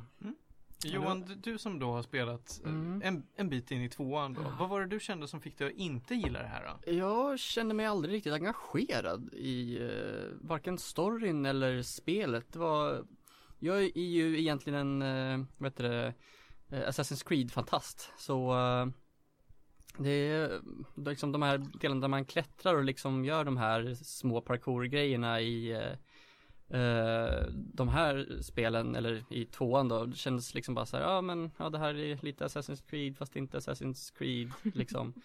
Eh, och sen liksom de här skjutmomenten, vet, det, det var ingenting som kändes inspirerande helt enkelt. Det var, nej, nej jag vet inte, liksom storyn kändes inte inspirerande, gameplayet kändes inte inspirerande. Uh, jag har ingenting emot egentligen att det är linjärt liksom. Jag menar, det finns linjära spel jag tycker om, det finns linjära spel jag inte tycker om. Uh, men, uh, nej jag vet inte. Det fanns ingenting som riktigt engagerade mig. Ja men det var lite samma känsla jag fick när jag, när jag spelade igenom den här spelen. Jag kände mig inte som en äventyrare som Felix uppenbarligen gjorde. Ja, men det var, jag, jag håller med om att det, ingenting kändes så inspirerande, ingenting kändes så nytänkande. Mm. Jag, jag, eh, det, ursäkta. Ska lägga till, jag gillar ju Tomb Raider. Särskilt de här nya Tomb Raider-spelen har jag tyckt om för att det, det finns, alltså det är bra sneaking, det är bra Alltså det känns som att vapnen är rätt så varierade. I, I Uncharted har jag inte alls upplevt att vapnen är någon större skillnad på liksom. Du har automatpistoler som skjuter bra, du har de som skjuter lite mindre bra men kanske gör lite mer damage. Mm. Du har schyssta pistoler liksom. Ja, Välj någonting som funkar och så kanske det blir bra. Men sneakingen har, vet jag är bra i fyran. Mm, har jag den hört är då. väldigt bra faktiskt. Men jag har Mm. inte upplevt den som bra i något av de andra. Mm.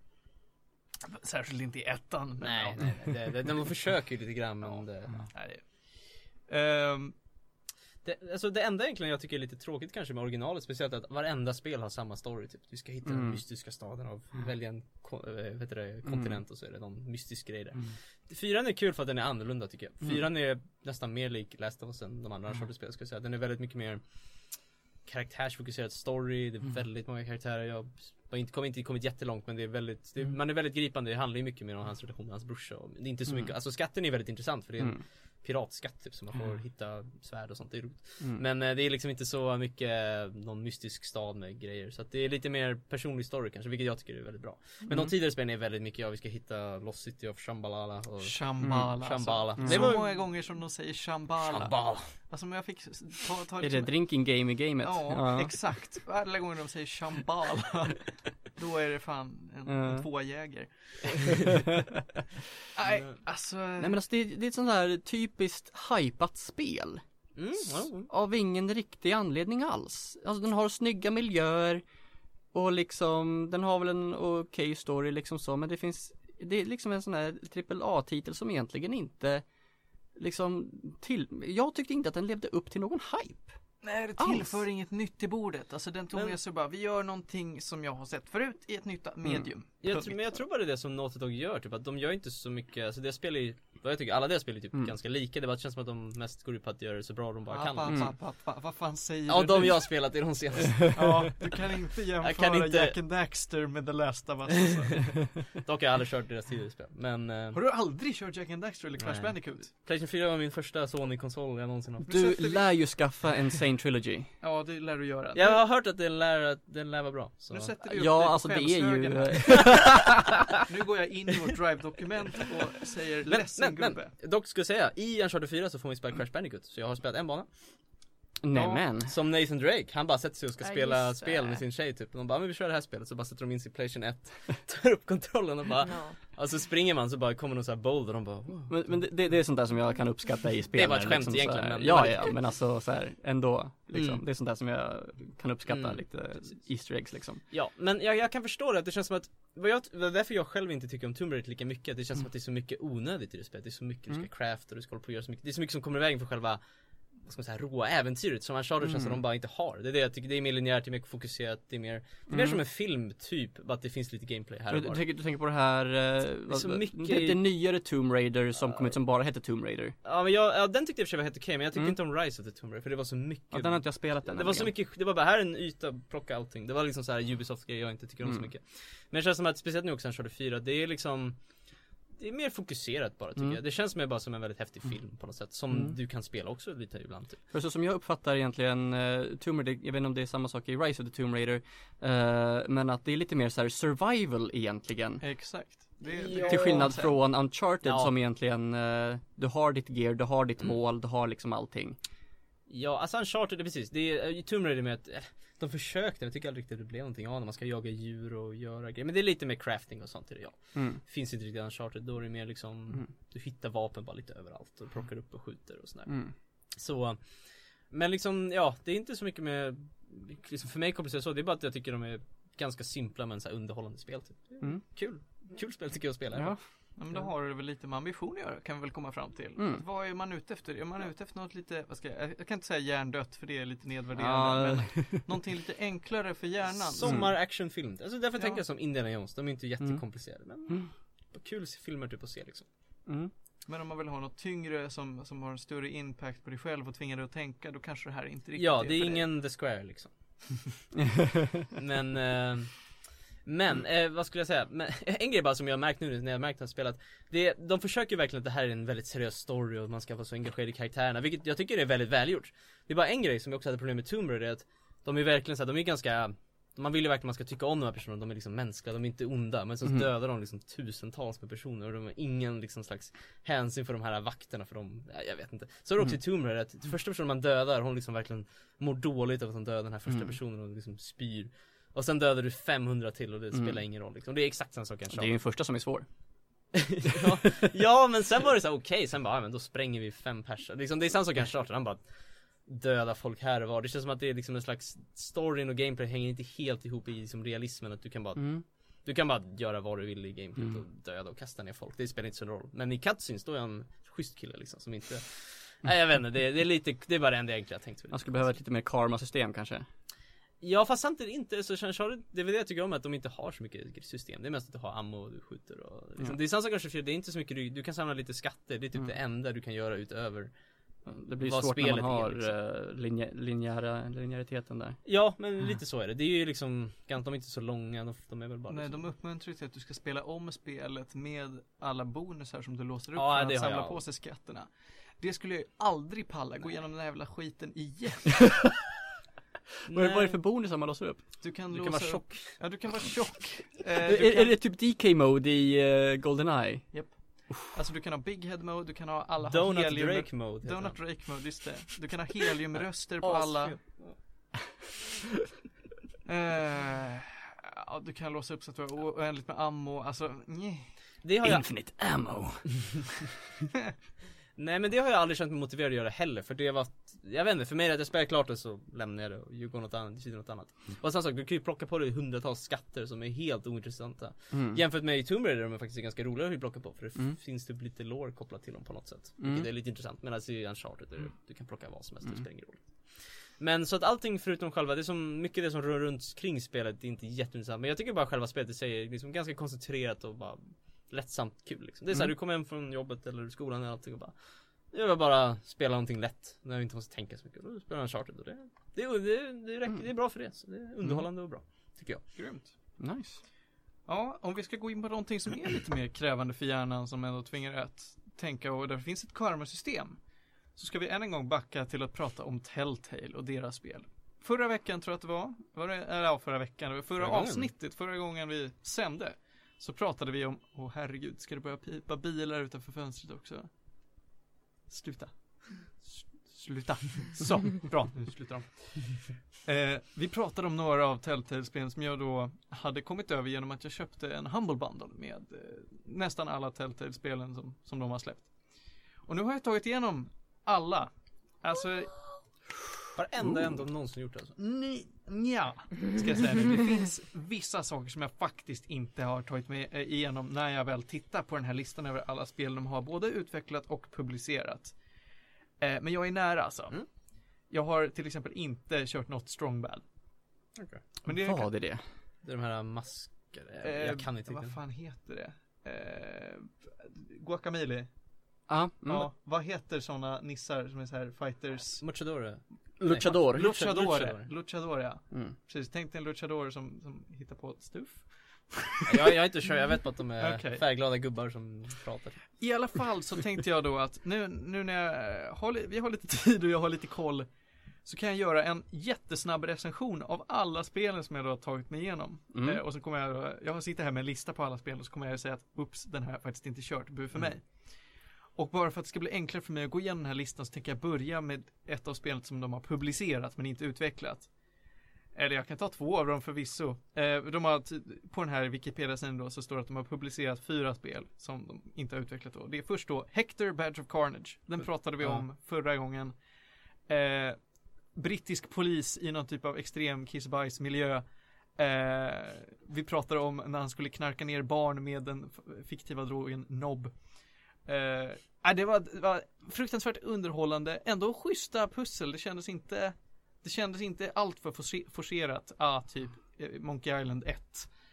Eh, jag, säger, jag säger en stark 4 av 5 för den underbara presentationen, bra dialogen och eh, ah, roligt gameplay. Det såg väldigt snyggt Lät ut kul också. ut. Lät, lät, Lät kul ut. ja men det lät kul. Eh, nu går vi tillbaka till alla spelen som de har eh, ja, utvecklat i någon typ av tidsordning. Telltale Texas Hold'em. Ett dåligt pokerspel. Väldigt tråkigt, ser rätt fult ut. Den får typ två av fem gäddor. För att det ändå funkar, alltså det var stabilt. Det var Mm. stabil poker. Eh, och det var lite roligare att titta på än att bara titta på liksom ett, ett grönt, grön bakgrund och sitta och köra harpan själv. Bone, Out from Boneville. Den pratar också om Ja, vi, pra- vi har pratat om den eh, när, när Marcus var här. Eh, Med nissarna eller? Ja, pre- ja, Ja. precis. De var små, såg ut som marshmallows. Eh, det, det var baserat på en serietidning. Det var helt OK. Det var väldigt långsam gameplay, men spelet var inte allt för långt, så det kändes inte tråkigt i slutändan. Så att den får en not för alla 3 av 5 med axelryckning. Här har vi ett spel jag inte har spelat. CSI, Three Dimensions of Murder.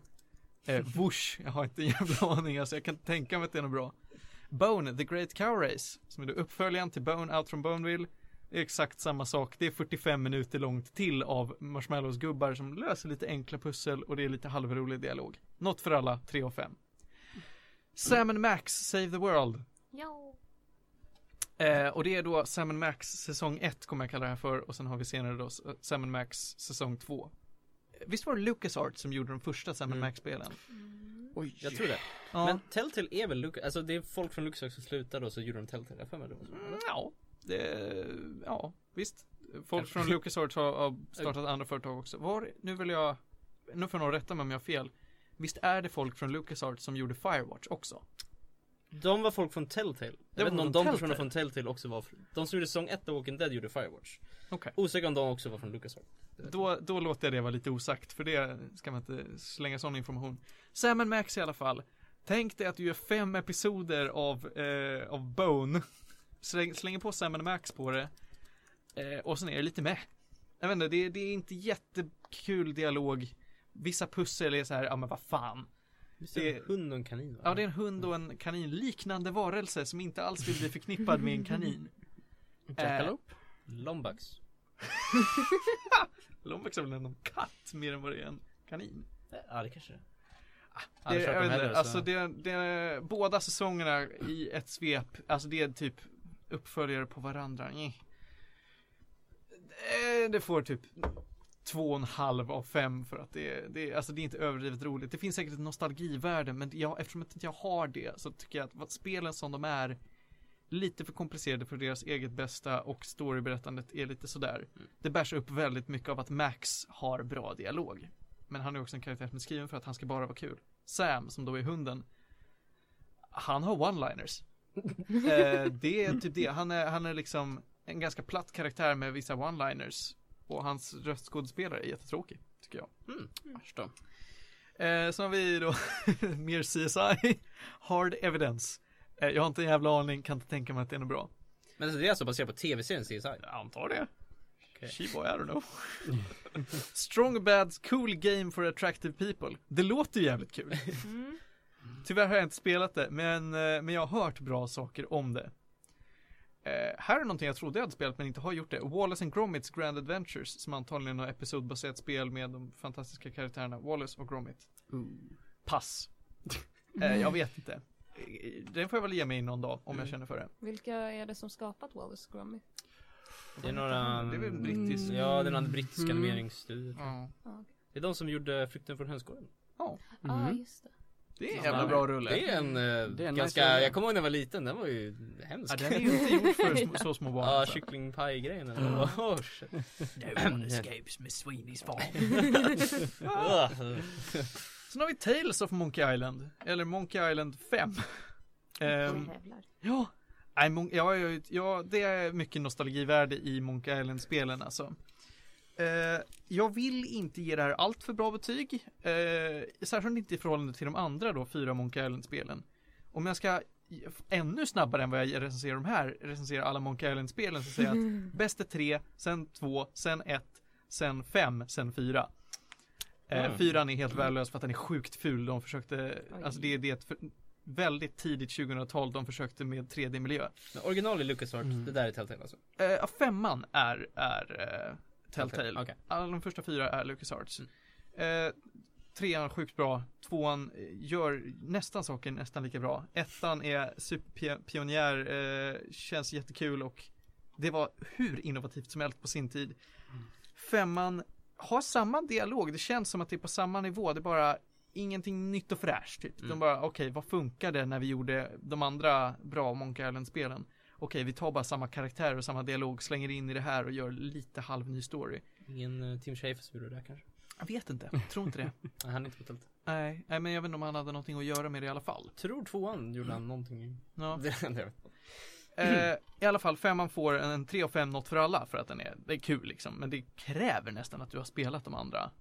Tycker jag, för att du ska få känna av charmen. Mm. Eh, CSI Deadly Intent, kan de sluta göra CSI-spel? What the hell? Eh, Tre stycken. ja, de måste fått någon, någon eh, IP och bara, ja nu ska ni producera CSI-spel, ha kul. Jag har aldrig hört att de har liksom annonsat dem på något bra sätt. Nej. Men det här är som sagt, det är ju ganska tidiga, Mm. Det här är ganska tidiga Telltale-spel innan de exploderade ordentligt. Mm. Eh, vi har sen, jaha fan, här har de ett tredje Seven Max, då kanske det är det jag har kört. För att jag har kört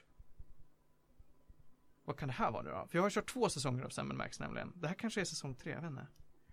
Ehm, ja då, vi hoppar den och Mm. säger att meh, kanske, kanske är bra. Mm.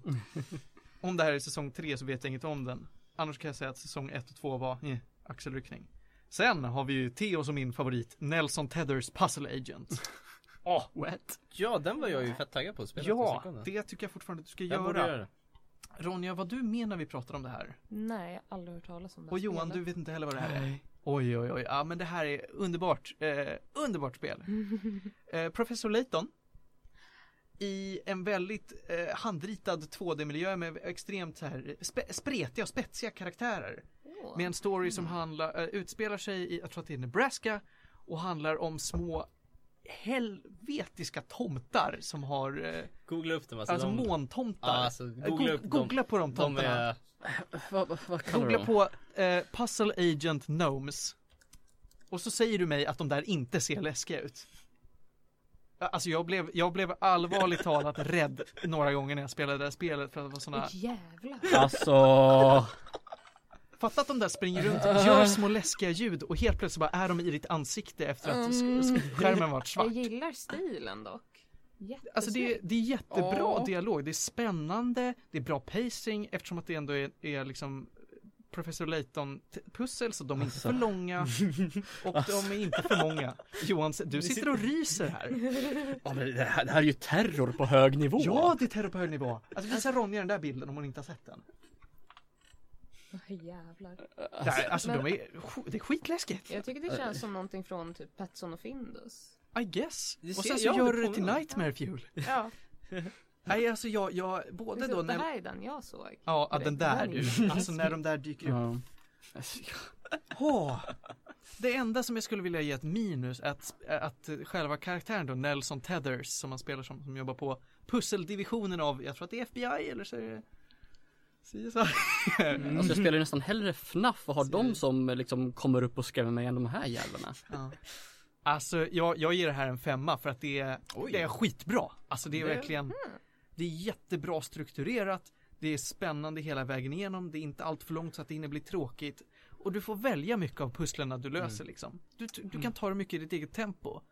Och det, alltså det är ju så, det här är så inte Telltale Men det är så fruktansvärt bra ja, det måste jag kolla upp det alltså. Båda, båda, alltså det är Finns två, eller? Ja det finns två Mm. stycken Eh, De har funderat på en tredje Båda har väldigt mycket med varandra att göra, alltså du, du måste spela ettan Mm. om du ska spela tvåan liksom Båda känns som att de är liksom samma spel, bara att de är längre Femma Alltså det, det, är, det är väldigt, väldigt, väldigt bra Mm. eh, Sen har vi ett till CSI CSI Fatal Conspiracy Poker Night at the Inventory, ett nytt pokerspel Men nu är det med olika Telltale-karaktärer ooh. det här är bra. Tycker jag. Alltså det är, det är ett stabilt pokerspel. Eh, det är liksom, det funkar, men det som lyfter det är att karaktärerna runt bordet då som är då, det är Strongbad, det är Max ur Summon Max, det är, vad hette han nu då? Eh, det är en Heavy från Team Fortress 2, hur fan de fick tag i honom, I don't know.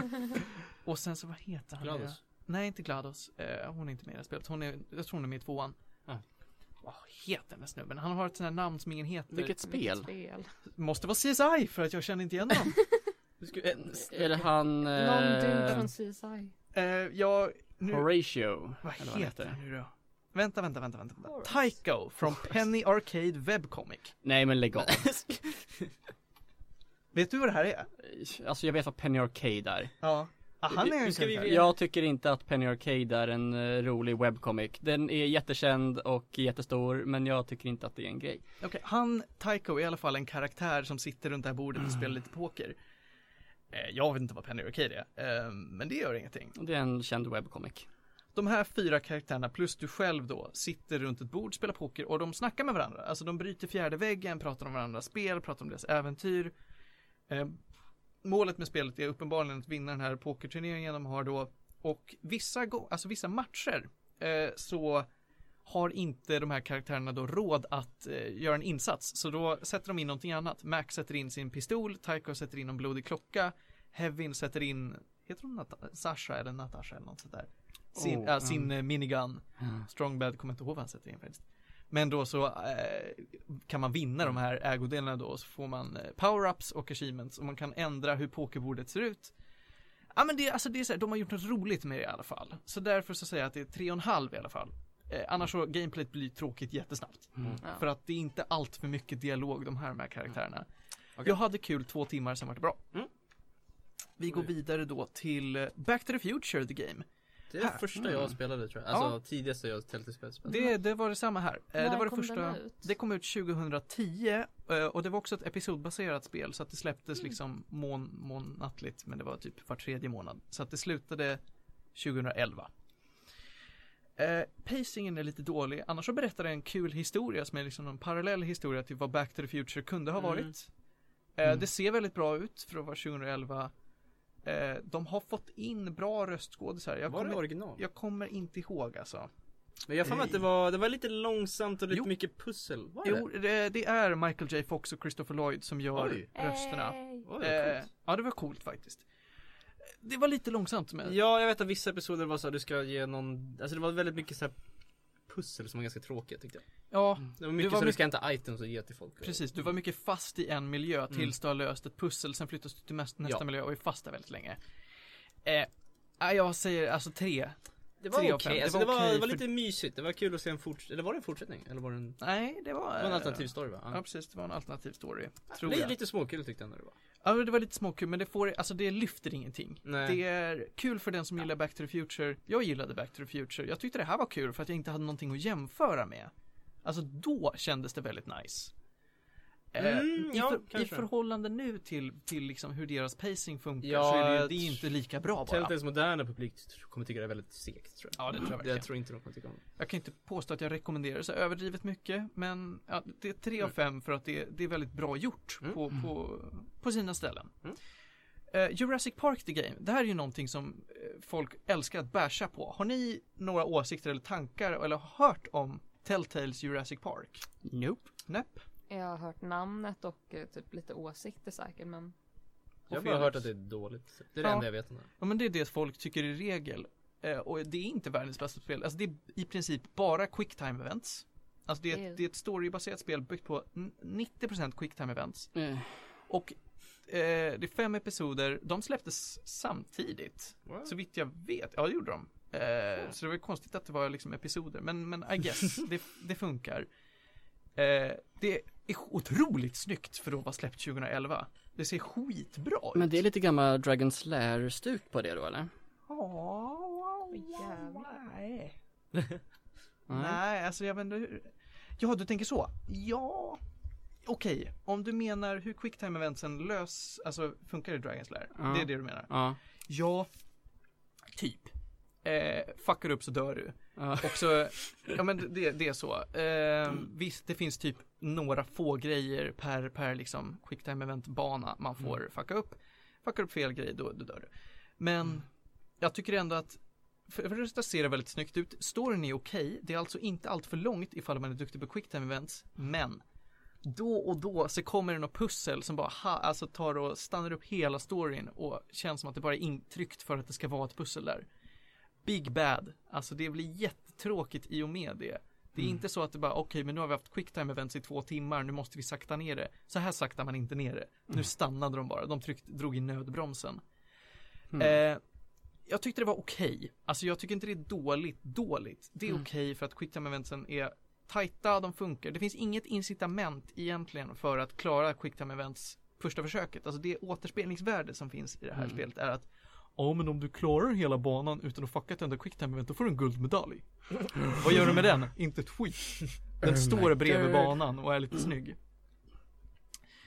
Eh, men jag tycker ändå att det här spelet är viktigt för vad Telltale-spelen har blivit. Alltså det här plockade ju in alla quicktime event som visar, alltså som och, och var en inspiration för framtida spel över att det känns som att du gör någonting som kan rädda eller faila en karaktär ifall du failar ett quicktime event i till exempel The Walking Dead. Vissa sådana tillfällen då känns det som att, ah, hade jag varit lite bättre kanske den här karaktären hade överlevt eller någonting. Och det gjorde det här spelet väldigt bra, för det här är det på samma sätt att karaktärer dör. De dör som flugor. Och de bygger upp bra personligheter, det finns karaktärsutveckling. Och sen så blir du lite ledsen när de dör. Men du får inte välja vem som dör, utan det är skriptat. Mm. Eh, Du kan välja att ta någon eh, alternativ eh, liksom, väg i, i att göra quicktime events längst. Längst, men det, det ändrar ingenting. Eh, så att det är ett bra spel rent historiskt för att det påverkade dem bra i, i, framöver. Men i sig så är det ganska med. Så jag säger typ 2,8 av 5. Okej. Den var inte lika snabb som jag hade önskat att den skulle vara. Men jag tyckte det var viktigt att få fram vad jag tyckte om det. Law and Order Legacies, vad är det här? Kan, kan ni sluta hitta på trams? The Walking Dead säsong 1. Underbart spel. Alltså det är ju, det är inte jättebra pacing i det. Eh, för att pusslerna också känns som att de stannar upp det ibland. Vissa segment är man fast lite för länge. Men det räddas väldigt mycket av att manuset och karaktärerna är väldigt välskrivna. Eh, det är främst då de huvudkaraktärerna Lee och Clementine som är underbart skrivna. Det har gjort att Clementine har blivit en sån ikon för The Walking Dead att hon har följt med nu i tre säsonger. Spoiler, spoiler. Ja men vad fan, det kan man ju se på varenda liksom albumomslag om Mm. man tittar på liksom ett Walking Dead-spel. Ja, titta där är Clementine. Det betyder att hon inte har dött. Eh, nej, det, det väldigt bra karaktärer, väldigt bra storyline. Det är lagom långt, tyvärr ibland lite för, för långa pussel. Ehm, Alltså jag kommer ändå ihåg att det där känns som en av de sista spelen Telltale faktiskt hade lite större pussel. För efter det så försvann det ju typ helt. Ja, det gjorde det.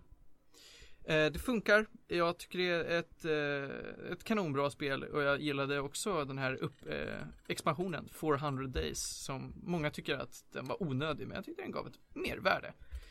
Eh, den får typ, ja, vad ska jag säga, 4,5 för att det inte är perfekt. Det är det absolut inte. Men det är väldigt, eh, väldigt gripande story. Poker Night at the Inventory 2. Jag har inte spelat det här men jag har hört att det är bra. Eh, och GLaDOS är säkert med där. The Wolf Among Us. Eh, I samma anda som eh, The Walking Dead då med, med en eh, Varg. med en varg. Du är, den här är ju baserad på serietidningen Fables. Fables ja. Tack. Jag kom inte på det så jag var tvungen att peka på det. Eh, the, tight story. Inte lika mycket pussel. Det är inte lika Inga härl- spoilers, jag har i mitt bibliotek. Ja, det är inte lika roliga karaktärer som, som The Walking Mer Dead. quicktime events. kommer Mer jag ihåg. quicktime events, De ja. började lite mer där. Den får 3,8 av 5. Något, Jag- något för de flesta. Jag tyckte de ändå var fett spännande. Det var kul att Ja, se alla. Disney-karaktärer i konstiga roller. Ja. Mm. Eh, The Walking Dead Season 2 har inte samma författare som säsong 1 tyvärr. Och det var lite Firewatch istället. Precis. Det föll lite på det. Annars så är spelet mycket bättre paceat. Det är nästan lika bra karaktärer. Miljöerna är lite häftigare tycker jag. Alltså det känns mer som att de rör sig någonstans. Ja, lite an- ettan är nästan lite den som tv-serien på något sätt. Tvåan, säsong två är lite en originell på något sätt. Jag gillar det. Eh, jag tycker en, vad sa jag om, eh, om säsong 1? Jag fick den 4,8 eller något. Ja, något sånt. Jag kommer. Ja. Alltså den här får kanske 4,3. Ja, det var bara det. Det var inte lika gripande. Men Tales from the Borderlands plockar upp och leker med Gearbox och deras Borderlands-serie och gör en väldigt bra historia faktiskt. Mm. Eh, jag har ju ingen eh, nostalgisk koppling till Borderlands för jag gillar inte Borderlands. Eh, men jag sa, okej den här karaktären är med i de andra spelen. De har tagit in och gjort nya karaktärer och berättar en schysst historia. Och du får göra, du får göra val som känns roliga mer än vad de känns som att åh jag påverkar hela storyn. Utan nu gör jag bara samma story Mm. fast med mitt eget sätt lite grann. Mm. Ehm, det är det, man vet liksom vad man ger sig in på. Mm. Det följer tyvärr en väldigt tight mall, alltså man vet precis vad som ska hända för att nu, Mm. Nu börjar vi med de här spelen som har den här standard Telltale-mallen. Tyvärr. Eh, men de gör det ändå väldigt bra. Game of Thrones. Jag gillar inte Game of Thrones. Eh, jag gillar den här, det här spelet. Jag har hört folk som har sagt att de gillar Game of Thrones-serien och böckerna, gillar inte det här spelet. Jag vet inte varför. Eh, det är kanske för att storyberättandet är lite annorlunda. Jag har i och för sig inte spelat spelet, men jag har bara inte spelat det för att jag har hört att det inte är bra. Så. Jag tyckte det var jättebra, alltså jag var väldigt positivt överraskad. Vad var skitbra det det? Var jätteduktigt, alltså härliga karaktärer, alltså vo- voice actingen kändes tight, manuset var ändå bra och man brydde sig, jag brydde mig om några av karaktärerna till skillnad från i den där Jo. tv-serien då jag inte bryr mig om en jävel alltså. Alla är lika tråkiga. Men Sean Bean. Sean Bean är död Johan. Spoiler. Han var väl okej, I guess. Eh, och han dvärgen Tyrion Lannister heter han va? Mm. Han tycker jag om mest för att han är skön. Mm. Annars så bryr jag mig inte om vad som händer med honom. Han är bara skön när han, är, när han har screen time. Mm. Eh, Jag tycker att det här spelet får fan fyra och en halv. Oj. För det är inte Mm. perfekt. Det följer inte mallen lika väl som, som det är Tales of the ganska Borderlands. långt också, eller? Det är rätt långt tyvärr. Ja. Det var det som gjorde att jag inte drog Okej. upp det. Men, men det var en väldigt bra historia som berättades på ett schysst sätt. Mm. Och, eh, ja, bra karaktär. Minecraft Story Mode. Har Nej! den kommit ut än? Ja då. Ja. Säsong två är ute också. Jävlar. Eh, Det här har åtta episoder, det är alldeles för långt och gör ingenting nytt. Det följer mallen, är skittråkigt. Ja. Jag tror att jag hade gillat det här om jag var 11-12. Mm. Eh, två av fem för att det ändå funkar ganska bra. Det kraschar inte, det finns skitmycket buggar. Alltså skitmycket buggar. Det är inte färdigt. The Walking Dead Michonne. Har man tittat på tv-serien och läst serietidningen så vet man att Michonne är inte död. Spoiler, spoiler. Därför kan inte Michonne dö i det här spelet. Det är typ en prequel till, till hennes del i serietidningen och tv-serien. Jag har hört att den är lite, nej? Den är jättetråkig Ja. för att det är ingen karaktär man hinner bry sig om. Det är bara tre, Ja. tre avsnitt långt. Mm. Jättetråkig miljö, man är på samma ställe nästan hela tiden. Och det här ger bara ett mervärde om man tycker att karaktären Michonne är spännande. Det gör inte jag. Mm. Hon går runt med ett samurajsvärd och hugger huvudet av folk. Det är det enda hon har. Folk är besatta med Norman Reedus karaktär Daryl i tv-serien. Jag tycker inte han är överdrivet intressant heller. Det är mest att jag gillar hans moral och jag kan sympatisera med honom. Mm. Men det är väl, jag, jag, ja, mich. Vi går Mm. vidare. Ja. Batman The Telltale Series. Har du några åsikter här Felix? Meh. Meh. Meh. Väldigt meh. Det är inte Batman, det är inte Telltale, det följer mallen. Det är Tråkigt bara, jag vet inte. Oinspirerat verkligen. oinspirerat, du gör inga kul val. Det är väldigt, för, alltså gameplayet är tråkigt. Jag, jag, tråkigt. Eh, The Walking Dead A New Frontier, det här blev jag klar med i förrgår. Mm. Eh, jag tyckte om det, faktiskt. Jag trodde inte att jag skulle tycka om det för att de nu har släppt mycket av eh, historien med Clementine och målade upp en ny historia med en karaktär som heter eh, Javier och hans familj. Jag tyckte de målade upp den eh, familjen väldigt bra. Det var spännande. Eh, var jättemycket buggar dock. Helt plötsligt Mm. i en, i en cutscene eller vad det är, alltså nu har vi kattat till den här panelen och sen så kommer vi katta till en annan kamera liksom. Mm. Då dök en död karaktär upp och gick genom bilden. Jag tänkte, jaha, de har inte gjort den här panelen på något annat sätt än den här. Oavsett vilket val du har gjort så kommer du se den här panelen. Mm. Och då, och då visste jag Oh. också att, jaha, den här karaktären hade kunnat överleva. Okej. Och sen var det ju den karaktären naturligtvis borta då. Eh, vissa val var buggade, eh, det ser jättekonstigt ut Mm. ibland, men historien var bra. Jag är rätt taggad på att spela faktiskt. Jag har inte kört det men. Jag, jag rekommenderar det. Jag, tror, jag var inte sugen med tanke på hur dålig Walking Dead Mission var. Men det här, ja, jag blev ja, jag tror jag positivt överraskad. Mm. Sen har vi då Guardians of the Galaxy. Har jag inte hunnit köra, kommer antagligen göra det om jag hör till bra saker om det. Minecraft Story Mode Season 2, what the fuck man, nej. inte mer alltså, inte mer, det är så jävla tråkigt. Batman The Enemy Within, har jag hört, är Yeah. inte bra alltså. Jaha okej. Men de har, ändå, ja, men de har ändrat lite grejer som gör att det kan bli bra. Hittills, jag tror att det är två episoder ute, det är inte bra. Okej. The Walking Dead The Final Season har inte kommit. Eh, det är jag fruktansvärt taggad på faktiskt för att det är ändå Final Season och vi kommer få Mm. ja, det är closure. sista alltså. Ja. Mm. Eh, The Walking Dead, eh, nej förlåt, The Wolf Among Us Season 2 kan bli bra. Taggad på det. Och Game of Thrones Season 2 To be announced kan bli bra. Mm. Och där har vi det hörni. Med 50 sekunder till godo. Du gjorde, Snyggt. Du gick igenom allting. Jag gick igenom allting Klar. och jag är nöjd ändå med den här resan som jag har gjort. Eh, ja, det kunde varit mycket värre. och med det avslutar vi dagens avsnitt. Det här har varit Medis Radio. Felix Eder, tack. Jo, Ronja Budak, tack. Johan Käck. Martin Lindberg, tack för mig. Vi hörs nästa eller näst, nästa vecka eller när det nu blir hörni. Puss och kram och nyp i stjärten, gäddor.